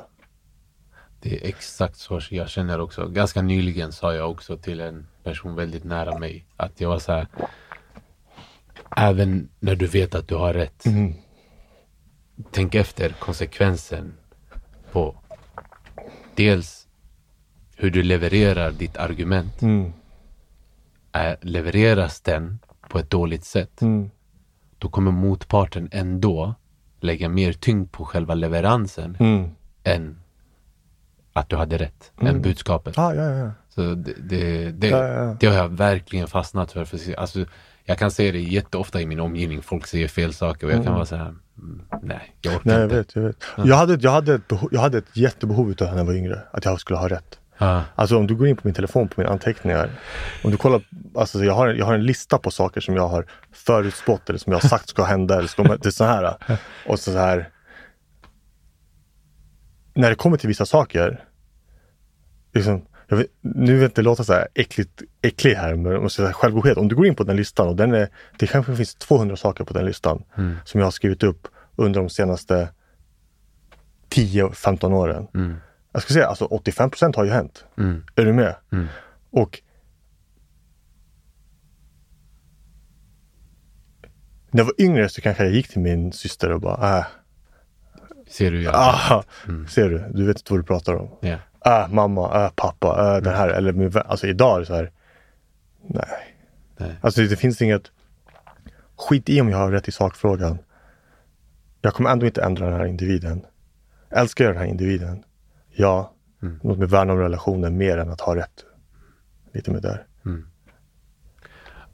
Vad, vad tror du behöver hända hos en människa för att komma till den här punkten? Liksom, vad, vad tror du den här mognaden kommer ifrån?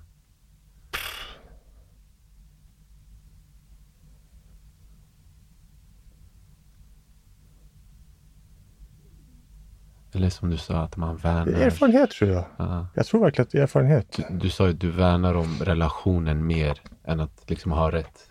i sakfrågan. Ja, och jag tänker att komma fram till den insikten. Är det bara erfarenhet? Är det visdom? Jag tror erfarenhet tror jag. Jag tror också det handlar liksom om erfarenhet och bara så här. På något sätt egot minskar med tiden. Ja, egot minskar med tiden, det blir det. Mm. Alltså, jag, förut det viktigaste för mig var att ha rätt. Mm. Idag, det viktigaste för mig är att vi kan sitta samlade runt jul och allting är lugnt. Mm. Det är lite, lite så. Liksom, va, jag behöver inte ha rätt om Mm. det ena eller det andra. Eller liksom, trycka upp det i någons ansikte, kolla hur dum du är. Liksom, Mm. så här. Det är inte så viktigt. Det är inte Nej. så viktigt. Vi alla är olika, vi alla ser på saker annorlunda. Vi kommer inte tycka samma. Jag kommer inte ändra någon individ. Jag kommer inte ändra den där personen. Nej. Kan jag genom mitt sätt att tänka eller mitt sätt att agera, Ja. inspirera, kanske få någon annan att säga okej, det finns den möjligheten, det finns den vägen att gå, okej det var ett rätt beslut, okej det var ett fel beslut. Jag tror mer, mer blir så här, liksom, påverka genom att göra Mm. istället för att påverka genom att säga. Mm. Ish, ish. Alltså. Det är klart, missförstå mig inte heller. Är det något som ligger dig varmt om hjärtat, du känner att du måste prata, prata. Det är inte som att du ska hålla käften och Ja. låta någon trampa på dig. Men de här små sakerna, liksom, så här, skitfrågor. Liksom, så här. Den här populistiska frågan såg jag i Aftonbladet igår. Man bryr sig alltså. Man bryr sig. Det är inte viktigt nu, det är inte viktigt imorgon, det kommer inte vara viktigt om tio år. Mm. Men jag vill gärna att min syster är kvar här om tio år på julmiddagen. Liksom. Ja. Jag tror du har nämnt två, tre gånger om det här med utanförskap, att du kände dig utanför och att du hade ett visst behov under din uppväxt att känna dig liksom Inkluderad. inkluderad. Jag ska säga, jag känner mig inte kanske inte utanför, utan Ja. mer så här. Först Sydafrika, vänner, USA, kindergarten, vänner, prata engelska på ett visst sätt, prata engelska på ett annat sätt, eh, komma till Sverige, prata svenska. Eh, vart är mina vänner från USA? Nu har jag, nu, mina vänner heter Luke Dustin, nu heter de Jesper Göran. Mm. Barn flyttade till eh, Tensta. Nu heter de Mohammed, Ali, Mm. Benny, Thomas. Alltså så här, Trygghet. alltså det, är här, det är mycket förändringar. Och då blir Mm. det så här, okej men är jag engelsk? Pratar jag engelska? Nej, nu pratar jag svenska. Nej, men okej, men min, nu när jag bor kvar i Sverige med mina vänner som bor runt omkring mig nu, som jag umgås med nu, de är inte exakt likadana. De heter inte samma sak. De tänker annorlunda mot mina första vänner när jag kom till Sverige. Jag tror att de stora miljöombyten under de första, vad blir det? Liksom tio år av mitt liv gjorde kanske att jag kände liksom så men vilka är mina vänner? Vem är jag? Var ska jag vara? Jag tror att liksom, den, trygg, den trygga punkten jag alltid hade, liksom, det jag alltid längtade till, det jag alltid ville, det alltid var liksom så här, ah, där kan jag vara mig själv, där kan jag vara lugn. Det var fotbollen. Ja. Det var alltid där.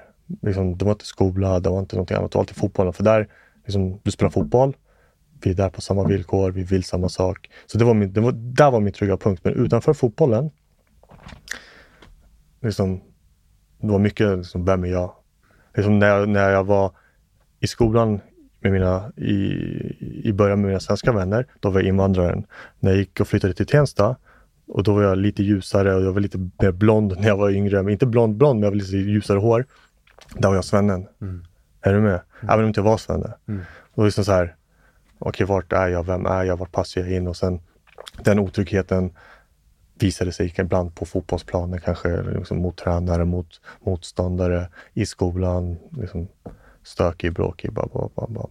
Så jag tror att alla de miljöombyten hade en stor påverkan för mig när jag var ung, hade sina konsekvenser fram tills jag var 23, 24. Och från, ska jag säga, liksom 25, 26, 27 framåt, liksom helt annorlunda.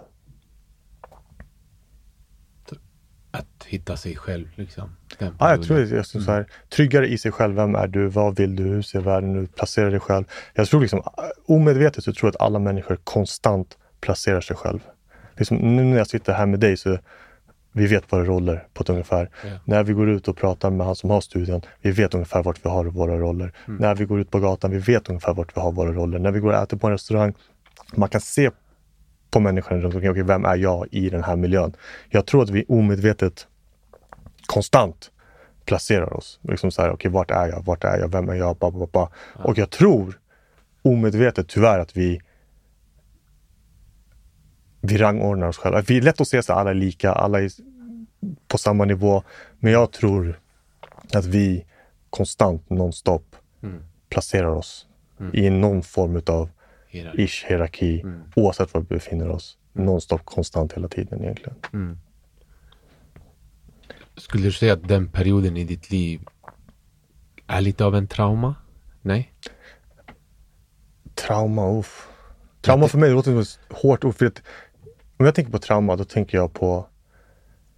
Det kanske är en light variant. Det var Jag vet det. inte. För att jag, liksom, jag är inte psychiatrist på det sättet. Jag kan inte göra den diagnosen på mig själv. Men när jag hör trauma, då finns det så mycket värre trauman. Att jag kanske inte kategoriserar mig som att jag har haft det jobbigt alls. Ja. Liksom, har du haft övergrepp i hemmet? Har du flytt från krig? Och de sakerna. För mig, det är riktiga trauman. Ja. Jag hade en kärleksfull familj, en trygg punkt, båda föräldrar hemma. så att om du vill kalla mitt trauma ett trauma så är det en, Mild en, det är version. en light. Alltså. Mm. Det är en light. Alla kanske har sin egen resa, alla kanske påverkas olika av sin, Mm. de saker som har hänt en. Ja. Men eh, jag har väl kanske inte sett det som ett trauma, jag har väl sett det som en, en utmaning Ja. och en konsekvens utav min pappa har försökt ta de beslut som han genuint trodde var bäst för familjen Mm. där och då. Och kanske inte förstod vilka konsekvenser det skulle ha på mig. Mm. Det är mer Mm. Lärdomar. Jag ser inte det kanske som trauma. Mm. Sen kanske någon annan kanske ser det som ett trauma. Jag vet inte. Men Ja.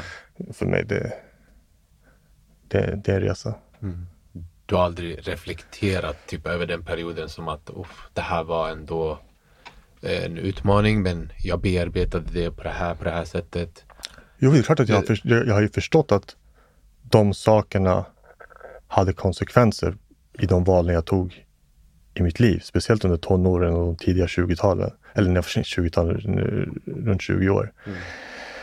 Ehm, alltså garanterat 100 procent och det har jag reflekterat vid och det har jag liksom pratat med människor om och fått, dem- kommit till de insikterna. När skulle du säga att de här insikterna kom och Runt förståelsen? 25, Ah, Okej. runt 25, Mm. därom, där, däromkring. Ja. Då var det lite mer okej men Blev det som en aha-upplevelse? Jag tycker att det kom, det kom små aha-upplevelser under många år. Mm. Det fanns ingen sån här awakening. Nej. Utan det var lite mer så här, ah, ah, okej det där hände, men ah, okej, Ja. pam. Jag tror mycket handlar liksom om att återigen gå igenom vissa saker, erfarenheter. Men alltså jag är också så här, vi har ju pratat om det tidigare, men inte idag, men utanför den här podden, att jag läser väldigt mycket. Ja. Och eh, liksom, jag älskar att läsa liksom, scientific studies och liksom, mycket om psykologi. Och Mm. Det intresset jag alltid haft. Liksom, finner jag någonting intressant då kan jag snöa ner med det. Då kan jag spendera en hel helg om att titta på föreläsningar om det här. Läsa böcker om det här, läsa studier om det här. Och det gör inte mig till en expert på någonting, men det kanske har gett mig lite små ah, insikter om att Ja. ah, därför gör jag så. Ah, Ja. ah, om jag tänker efter själv, ja. Jo, men det påverkade mig. Ja, men tänker jag tillbaka själv, vilka starka minnen har man från när man var barn? Ja, det där var lite jobbigt. Ja, det där var jobbigt. Ja, det är mer jobbiga minnen jag minns än goda minnen. Varför var det där jobbigt? Ja, jo. Ja, ja det var så här. Små aha-upplevelser Mm. under många år egentligen. Mm. Men de kommer mer sällan nu. Men de kommer fortfarande ibland nu. Mm. Ja. Vilka böcker skulle du rekommendera? Har du någon? Eller några?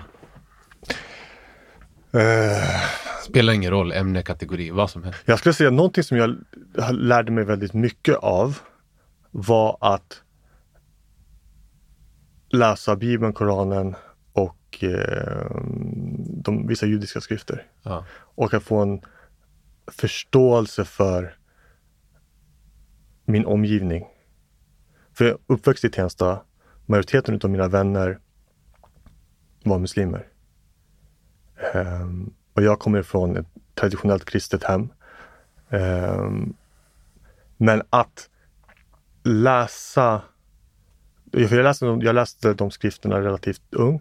Jag läste dem, Bibeln var något som jag tog med mig hela livet för det fanns i hemmet. Ehm, men sen så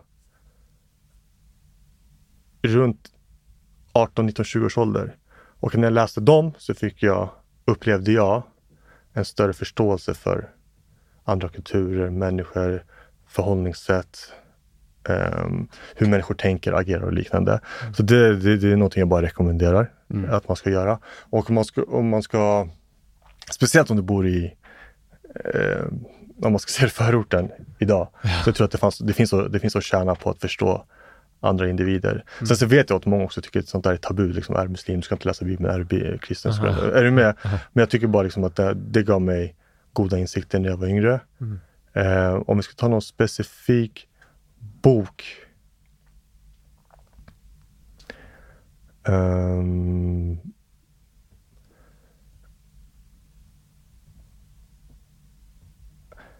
alltså, det här är ingen, så här, ingen känd bok heller, men mycket så här. Det finns en trader. Jag tror du vet vem det är, Trader Tom, som Mm. har skrivit en bok Ja. om mindset eh, i, när det kommer till eh, trading, investering och liksom hur du ska bryta de naturliga ins instinkterna av vad man ska göra när du är i en vinnande position eller en förlorande position. Och, och att det rätta beslutet är inte alltid det som känns bäst utan mm. man behöver ibland gå emot det hjärnan vill för att kunna få mer resultat. Mm. Och att du kanske måste gå emot hjärnan för att kunna skära av vissa förluster. Jag minns inte exakt. Best winner lose, best loser wins, yeah. tror jag den heter. Yeah. Ja. Någonting sånt. Någonting sånt ja, i alla fall. Det Men det, det, är en så här, det är en bok, det är en bra bok. Ja. Alltså så här, utifrån mindset. Yeah. Men den är inte djup. Det är inte så här, oj du kommer läsa den och så förändras ditt liv. Men det var liksom en bra bok som gav mig väldigt goda insikter om att när hjärnan säger nej så måste egentligen ibland svaret vara ja. Mm. Liksom, den var bra. Så det, finns, alltså, det finns många av de här standardböckerna som, mm. som är som är helt okej okay med så populistiska grejer. Men de, de kan ge dig vissa små saker i, mm. i livet. Men yeah. typ en, en bok jag läste relativt nyligen, det var den här du vet den, Sapiens yeah. till exempel. Yeah. Även om jag inte håller med om allting som står i boken. Jag är inte heller expert för att kunna säga emot det. Men det, ger, det gav mig ett ganska bra överblicksperspektiv på vissa, på mm. vissa saker som jag tyckte var, mm. det var intressant. Yeah. Vad finns det mer? Jag har läst mycket Stoic-böcker. Ja. Liksom eh, Marcus Aurelius. Eh, vad heter den nu?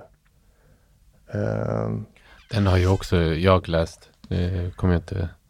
Marcus Aurelius bok i alla fall. Ja, i alla fall. Ja, jag minns inte, jag minns inte exakt. Jag minns inte titeln på den. Men mm. det är en bok jag har bredvid sängen. Den kan jag öppna och bara mm. läsa en, två sidor yeah. då och då. Ja. Och det, det, är en sån här bok som jag kan läsa om och om igen. Och det, handlar, det, det, det är lite mer så här förhållningssätt. Ja. Hur du ska tänka. Liksom, när det är svårt. Vad, vad, ja. vad, kan du påverka? Vad kan du inte påverka? Vad ska du lägga din energi på? Vad ska du lägga din tid på? Mm. Det är så här Meditations heter den va? Ja, meditations. Exakt, meditations. Ja, det stämmer. Uh, Discourses of Epictetus, mm. det är en annan. Uh, det finns mycket inom den genren som jag kan mm. rekommendera ifall någon vill läsa egentligen. Mm. Jag håller med. Jag har även läst ju han trading-boken. Jag tror mm. att den hette faktiskt Biggest Loser Wins. Och det är helt rätt där med mindset och inställning. Vi nämnde boken om eh, investering mm. av Tom, hur var hans efternamn? Uh, Haugard. Ja, Tom Hugard. Haugard. Någonting Haugard. Ja, exakt. Ja. Dansk va? Jag tror det, ja. ja. Jag tror det. Tror det också. Ska komma in på investeringar, men innan det jag tänkte på också, det var jag har reflekterat lite om att uppfostra söner mm. i dagens samhälle, killar specifikt. Kanske för att man själv är kille ju, man relaterar mer. Men något jag tänkt på, jag, typ, jag stött på studier de senaste veckorna det finns en studie som visar att år 1990 mm. så ställde man frågor till en stor grupp av killar. Mm. Eh, bland annat en fråga var eh, Hur många nära vänner har mm. du? Mm. Mm. Då svarade de som svarade noll mm. var 3 procent. Mm-hmm. Samma fråga år 2020 så var det 15 procent. Så antalet killar som har nära vänner mm. eller som inte alls har några vä nära vänner har mm. ökat. Mm. Så allt fler killar har färre vänner, specifikt nära. Och man ställde också frågan Har du någon vän du kan ringa vid en nödsituation? Mm. Eller vid akut läge? Mm-hmm. Och det vanligaste svaret var ingen. Okej. Okay. Så utanför familjen, syskon, har du någon vän du kan ringa mm. vid en nödsituation? Och det absolut vanligaste svaret var nej. Mm. Så de har ingen att ringa. Och jag vet inte, men det känns som att jag ser det här mönstret att killar är allt mer inne inomhus. Um, det är inte på samma sätt att man är ute, socialiserar sig. Uh, vissa in, inte den här studien, men vissa som har läst den här studien, de studien säger att det beror på sociala medier. Mm. det beror på kanske videospel Mm. också, har jag läst argument. Mhm. Ehm, Vilka gjorde studien? Va? Vem har gjort studien? Vilka har gjort studien? Den här läste jag faktiskt för ett tag sedan, men, eh, jag, men jag vet att studien var på engelska. Okej. Och antingen var den gjord i England eller USA. Ja. Kommer inte ihåg eh, något av dem. Och det, det fick mig att tänka på att, att om det, det känns lite som att det är det mönstret jag också ser. I din omgivning eller? Ja, eller bland yngre. Ja. Inte specifikt liksom bland, i min omgivning. Och jag kan tänka på det, så här, i ett sånt här samhälle, att uppfostra söner. Vad är det för utmaningar som väntar och typ hur ska man tackla det? Mm. Eh, Vad jag tror?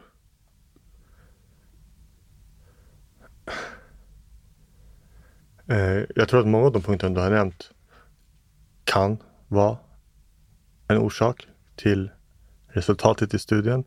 Men eh, när det kommer till egen del ehm,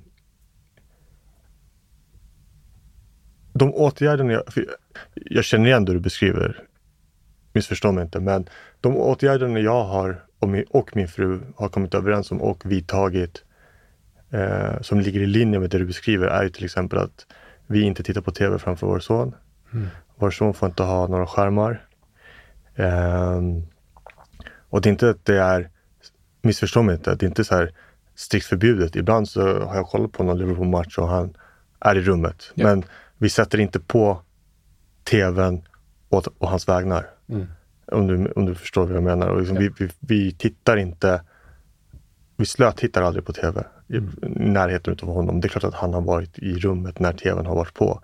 Och det är klart att han har, när någon av oss har tagit på telefonen, att han har sett telefonen eller liksom greppat telefonen och tittat på telefonen. Men vi har tagit ett medvetet beslut om att minimera skärmar så mycket det går fram till han är två och därefter liksom lite successivt använda det och det har egentligen att göra med många andra studier som jag också läst liksom, om hur skärmtid påverkar eh, barns utveckling eh, och liknande. Så jag skulle väl tro att det har lite med sociala medier, skärm, dator, tv, hur d- hela den kulturen och ungdomen har utvecklats under de senaste 20-30 åren. Eh, skulle jag tro. Mm. Eh, men och liksom, jag har ju, jag tror ju på det tillräckligt mycket till att implementera vissa Mm. regler egentligen med, vår, med, med vår egna son. Ehm, men det finns ju många sådana studier som jag också har läst. Liksom, en annan bok som är skitbra, den här Barnhjärnan, Mm. eh, som, eh, som släpptes för något år sedan tror jag. Jag har för mig författaren är också läkare väl? Eller barn? Ah, ja, ja, han är barnläkare. jag minns inte exakt vad han heter, men den andra Hansen Ja. hade rekommenderat den och då köpte jag hem den. För jag, skulle också, jag skulle precis få barn när jag såg att han hade rekommenderat den och där står det ju eh, där går de in på att, liksom, hur skärmtid kan påverka barns utveckling och liknande. Mm. Det har en effekt på barn. Eh, men mycket grundar sig väl kanske att okunskap när det först blev populärt och sen behöver man ha x antal år för att samla in data för att sen kunna göra en analys på hur det har påverkat Mm. barn och, li- och, och dylikt. Men absolut, jag, jag skulle hålla med dig. Om jag hörde det påståendet så skulle jag nog säga att det påståendet stämmer egentligen. Mm. Men eh, som, återigen, jag kan inte svära på det, men jag skulle Nej. säga att det stämmer. Och vi har implementerat det i våra liv och jag tror att det har med det att göra. Och att hälften inte har någon de känner att de skulle ringa är ju tråkigt, Mm. upplever jag. Ja. Jag själv har garanterat vissa vänner jag skulle kunna ringa i Mm. i stort sett vilken situation som helst så skulle jag känna mig, jag skulle i alla fall känna inget tvekan på att lyfta på luren och ringa. Mm. Sen vet man inte exakt vilken respons man hade fått beroende på situation på andra Ja. sidan. Men det finns ju garanterat i alla fall en, ja en som jag vet, två i alla fall som jag skulle kunna ringa i vilken situation som helst egentligen. Mm.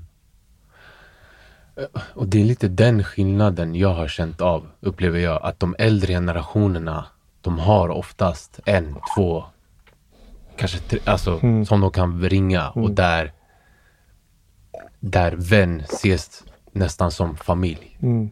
Men bland yngre, jag får inte den känslan. Mm. Där, det är så här, vänner har blivit kompisar. Och du vet, kompisar, det är bara någon du umgås med. Det är inte någon längre du ser som familj. Och när, eh, när en ung person idag ingår i en relation eller äktenskap, man presenterar inte sin vän som, alltså det här är någon som betyder jättemycket för mig. Mm. Utan nej, det är bara så här, det, är, det är min vän. Mm. Men det är inte så här, jag kan ringa honom vid en nödsituation. Nej, jag hör det. Jag hör det. Men det, det kanske är svårare för vissa relationer att utvecklas organiskt i den här digitaliserade världen. Ja. Och för mig, det finns också ett mönster i maskulinitet, känner jag, i samhället. Att på något sätt när den minskar, Mm. att det påverkar allt sånt här. Att Möjligt. Men jag- killar jag- är jag- mer hemma, mer osociala, det, det, färre vänner. jag, jag hör vad du säger. Ja. Alltså, jag, jag, jag förstår vad du säger men jag personligen har inte reflekterat kring om det finns någon samband mellan Mm. det som jag upplever den digitaliserade barndomen och maskulinitet egentligen. Ja. Jag har inte, jag har inte tänkt så mycket kring Mm. just den frågan. Jag har märkt, jag har tacklats med det. För du vet, jag kan vara så här, ah, som pappa, jag, jag ska vara en förebild så här, via mina handlingar. Mm. Så kommer han anamma Ja. typ, hur han ska vara. Men sen så kan man tänka tillbaka så här, min pappa hade ju inte sociala medier, men jag har. Mm. Alltså, tider förändras ändå. Såklart, såklart. Och eh, det där för mig, det känns på ett sätt som en utmaning, på, en, på ett sätt också så här, livet tar sin väg. Alltså, så är det ju. Så jag är kan det inte ju. kontrollera allt. Nej, jag, jag hör vad du säger. Jag har inte sociala medier. Nej. Jag har haft. Men jag har inte. Jag har inte haft på många år. Mm. Ehm. Och det är, alltså, jämför jag mitt liv utan sociala medier med sociala medier så är det mycket bättre utan sociala medier. Mm. Även om jag missar en hel del. Liksom, hur viktigt är det på riktigt? Mm. Alltså, det, det, det är så jag ser det. Liksom, det svåraste var, okej nu raderar jag Facebook, Instagram, det är typ de två jag hade. Ja. Och att alla i min omgivning har det och det förväntas att man ska interact med dem där eller dela med sig av vissa saker där. Men, och var i början så men man är van med att, äh, men alltså nu har det gått hur många år? Många år. Nästan, vad kan det vara? Sex, sju år utan sociala medier? Ish, ungefär. 2017 kanske du slutade? Där omkring. Mm. Jag, jag vet, jag jobbade på banken då i alla fall. Mm. Vilka hade du när du hade sociala medier? Facebook och Instagram. Och varför tog du bort dem? Det tog för mycket tid. Jag kan inte fånga mig själv. Jag sitter och strös, scrollar i två timmar innan jag ska sova. Vad håller jag på med? Mm. Liksom började addera upp. Okej, hur, många timmar, liksom, hur många timmar sitter jag på den här appen? Mm. Okej, få den här appen att känna, få, få det med att känna någonting. Ja, jag kanske blir irriterad. Jag kanske blir glad. Jag kanske blir, eh, har åsikter om saker som jag egentligen inte bryr mig om.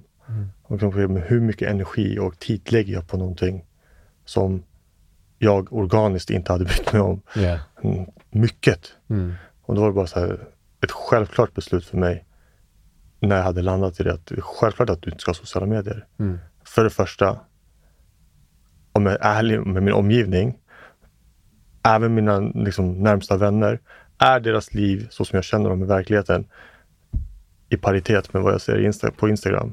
Inte i närheten. Nej. Så att om det är som människor jag känner, hur är det med människor jag inte känner? Ja.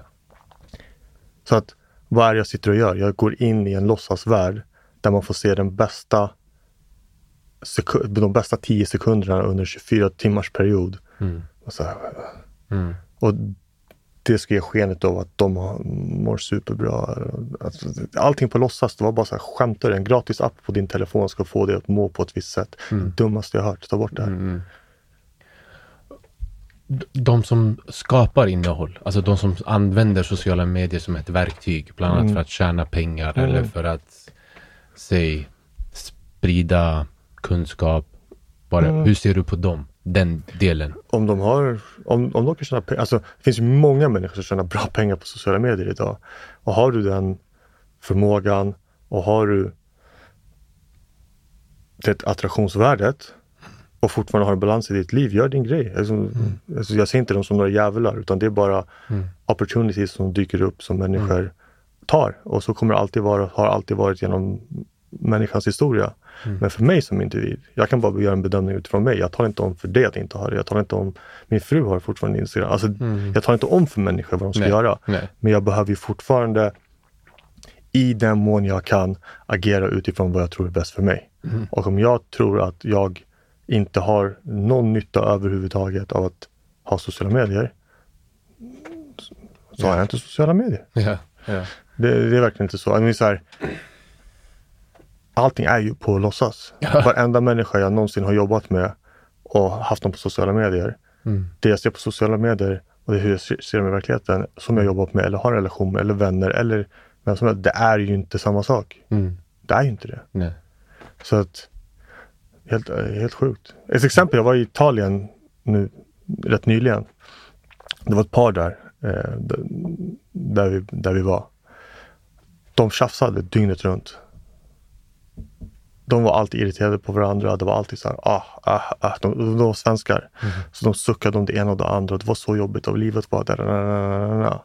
De enda gångerna jag någonsin såg dem le och det kanske var under två minuter per dag. Det var när de, de bad någon ta en bild på dem på Instagram eller någonting. Så att de satt där vid poolen och beklagade sig i x antal timmar. Men de skulle också ta en bild på att visa hur bra de hade det och då var, då var det alltid glas upp och ett, ett leende. Mm. Så att jag har aldrig hamnat i en situation där jag tänker att det var ett dåligt beslut. Jag har bara blivit påmind om och bekräftat att beslutet var riktigt. Ja. Varför ska jag ägna min tid åt någonting som jag vet inte är på riktigt? Precis. Men har, är det en del av din business, är det en del av marknadsföra dig själv, marknadsföra ditt företag, tjäna pengar på det. Gör din grej, det är inga konstigheter i det. Men är du en slösurfare som blir påverkad och du blir glad, ledsen, irriterad, frustrerad, arg över saker du ser på en gratis app på din telefon. Ta bort appen. Alltså det, är, det är verkligen inte svårare än så. Ja. Nej, Jag ser helt din poäng. Blir Sverige fattigare? För att ge lite kontext. Vi kollade ju på Youtube-klippet. Ja, den där. Nej, Jag ja. vet inte, varför blir Sverige fattigare? Mm. Vad tycker du? Om jag, vad jag tycker? Blir Sverige fattigare? För det första. Pratar vi pengar, punkt då eller? Eller vi pratar enligt, enligt dig. ekonomiskt? Din definition. Ja, fattigare? Ja. Blir Sverige fattigare? Ja, alltså kronan blir sämre, svagare, garanterat. Mm. Dollarn var 11 kronor idag. Mm. Gör den uppe i 12 kronor. Mm. Ehm, möjligheter för innovation i landet är väl det sämsta det någonsin varit. Ehm, inflationen. Liksom ta allt. Ja, sve- svenska kronan blir svagare Ja. om man ska ta den definitionen utav pengar. Garanterat. Men, menar du att det är färre innovationer kommer upp? Eller Möjligheterna möjligheten? Till, till innovation. Ja. Och ett exempel på det är? Alltså det, det, kring egenföretagare till exempel. Mm. Och de bitarna. Och, men skatter också via arbetsgivaravgifter och liknande. Bara för att ta några så här. Så, Mm. så tycker jag att eh, Sverige idag främjar inte innovation och möjligheten att skapa jobb på samma sätt som det har gjort tidigare. Mm. Är min uppfattning och min upplevelse. Mm. Men återigen, det är min upp, uppfattning och min upplevelse. Mm. Det, det skulle jag påstå i alla fall. Och pratar vi rena kronor så blir ja, kronan blir sämre och svagare och svagare gentemot hur världen utvecklar sig. Och, liksom, din, den svenska lönen har inte utvecklats i linje med hur de amerikanska lönerna har utvecklats eller hur den norska lönen har utvecklats eller danska lönen har utvecklats. Absolut inte. Absolut inte. Så ja, Sverige är inte fattigt, men trenden är negativ. Mm. Och det blir inte, det är ingen ljusning när det kommer till eh, ekonomin. Mm. Jag såg också idag börsen, jag tror OMXS30 hade typ presterat sämst i jämförelse mot Dow Jones, DAX, Japan, Nikkei. Mm. Och jag tror det var en till börs jag kollade upp, undrar om det var Englands. Mm. Så låg den lägst. Mm. Alla andra hade presterat bättre. Men det, det är precis det jag också känner. Det. Stimulerar man innovation, stimulerar man kreativitet, då, då den naturliga konsekvensen är att landet kommer bli rikare. Mm. Kronan kommer stärkas. Mm. Ja, det är bara att titta på alla företag som har flyttat ifrån landet. Ja, han nämnde ett par, va? Det var Nordea, H&M tror jag. Många. Ja, Eh, Ja, bland annat. Ikea hade väl också gjort det för mig. Mm.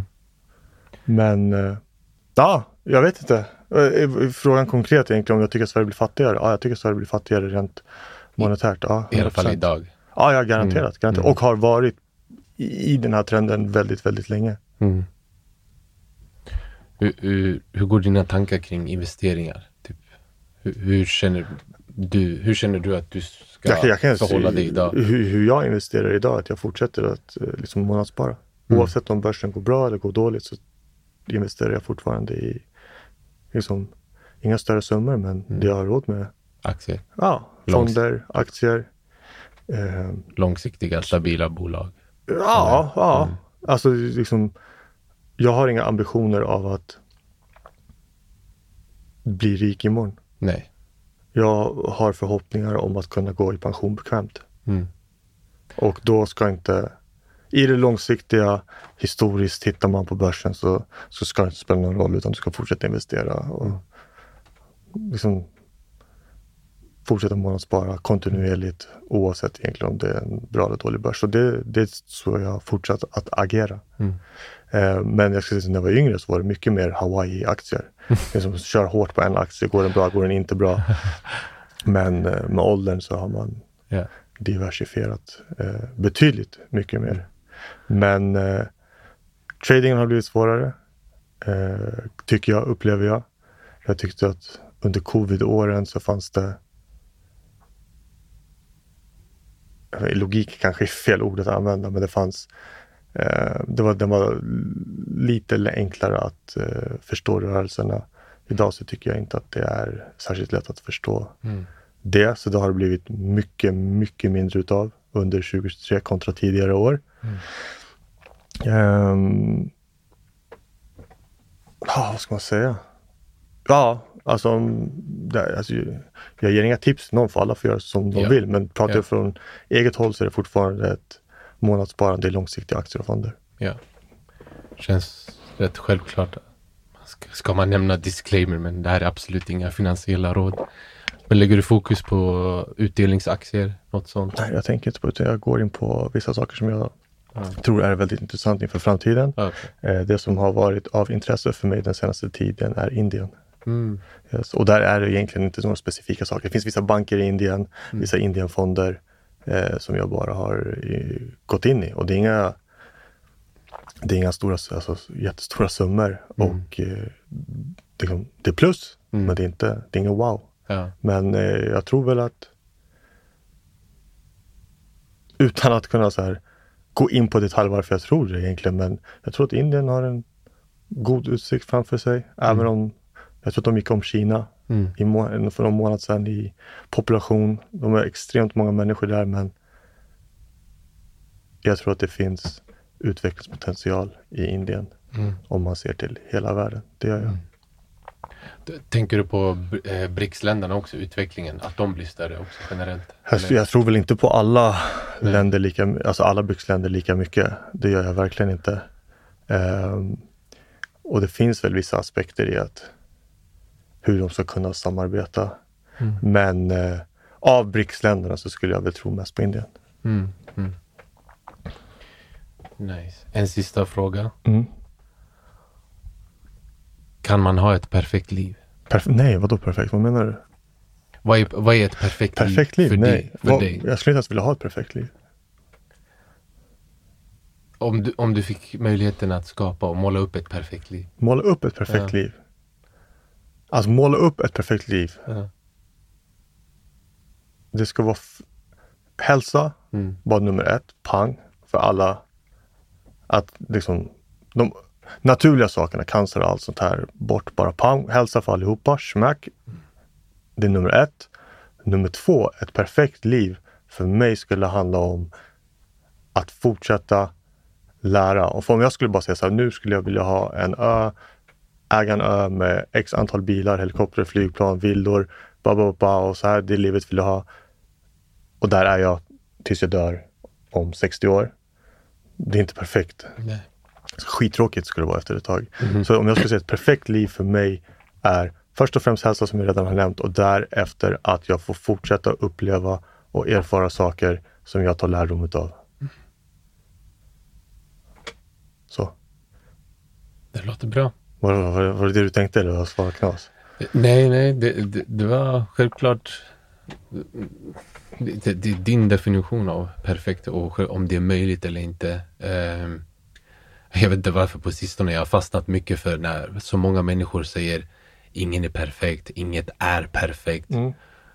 Um, och varje gång jag hör något sånt, jag känner lite så här att det är som att samhället sätter spiken i kistan. Det är så här slutdiskuterat, det är punkt. Mm. Vadå, uh, letar du efter något som är perfekt? Inte att jag letar, utan men jag tänker typ Ibland det känns som att man träffar på personer där man märker så här uh, utifrån den personens perspektiv mm. så kan livet vara perfekt för mm. den personen. Tror du det? det jag, jag, vet inte, jag vet inte om jag håller med om det. Eh. Perfekt? Nej. Alltså vadå, även om, jag tror även den som har ett liv som du äh, skulle se som beundransvärt. Mm. Du vet inga detaljer om den personens liv. Ah, nej. Jag, och, jag tror garanterat att den personen känner att äh, inför saker den behöver göra. Ah. Det är en utmaning. Äh, ah. Alltså, normal. Det, det, är just, alltså, det är inte så mycket materialism. Absolut ekonomisk frihet. Nej, jag menar inte materialism. Jag menar vad som helst. Alltså, det kan vara att du behöver gå ut med, ut med soporna. Alltså, det kan vara vad som helst. Nej, men Ekonomisk frihet, absolut. Det tycker jag är extremt viktigt. Det är väl kanske typ den största friheten i, här, i dagens samhälle. Men måste, man kan tänka tillbaka typ så här, någon dag för flera år sedan när man vandrade genom en by mm. och så ser man en person bara vid sidan av gatan mm. och den personens sätt att förhålla sig man utbyter ett par ord, mm. personens sätt att prata, göra vissa uppgifter. Och sen när man går därifrån, man blir så här, Där hände det någonting. Den här personen kändes helt bekymmersfri. Mm -hmm. eh, för mig, jag vet inte, på sistone jag har varit så här, att, att, att ha ett perfekt liv, det handlar, det handlar typ bara om synsätt. Ja, garanterat. Alltså, om du ska bli filosofiskt om det. Alltså, jag mm. tror inte att ekonomisk frihet heller är bekymmersfritt. Alltså, jag tror mm. ju, ju mer egendom du har, Mm. Ju mer har du att förlora, ju mer orolig är du hela tiden. Men det är om du har det synsättet, tänker jag. Jag tror även en rik människa mm. kan typ se sitt liv som perfekt. Men då måste han också besitta ett visst synsätt på livet. Att han är så här, även om jag förlorar allt, mm. jag bryr mig inte. Ah, kanske. För att inget vara. Kanske. Jag tror att förhoppningsvis finns det rika mm. individer som känner så, men jag skulle bli förvånad om det är så. Ah. Eh, och jag tror väl att ju mer du har, ju mer är du rädd att förlora. Mm. Mm. Lite så, tror jag. Mm. Jag, tror, jag tror inte att bekymmersfrihet går i linje med hur mycket pengar du har. Nej, nej. Exakt. Jag tror bara att du är bekymrad om olika saker. Ja. Men jag tror att de som är mest bekymrade idag Nej, kanske inte. Skitsamma. Mm. Jag vet inte. För också typ, alltså i dagens samhälle, ja. speciellt bland ungdomar och så här, sociala mm. medier. Det är som att eh, jag behöver jättemycket pengar, jag behöver bli rik. Mm. Då kommer jag ha det här perfekta livet. Ja. Men det känns som att det de missar är även den personen, så länge den inte har rätt synsätt. Mm.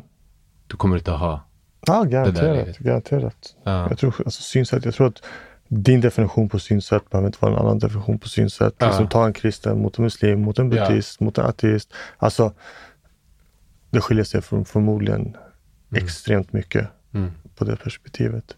Men vadå? Ja, jag vet inte. Alltså de finaste stunderna jag haft har ofta kommit efter utmaningar. Mm. Och de bästa lärdomarna jag någonsin har haft har ofta kommit från alltså, trials and tribulations. Yeah. Är du med? Utmaningarna. Så, ja, så att jag vet inte. Mm. De går väl hand i hand. Mm. Ha förväntningar. Det är bara tufft, kör. Yeah. Så förhoppningsvis tar man med sig något positivt därifrån. Mm. Vi slutar på det. Tack för att du kom. Tack själv Josef. Kul att få vara din första gäst. Kul att du ställde upp. Det var nära. Inga konstigheter. Då så.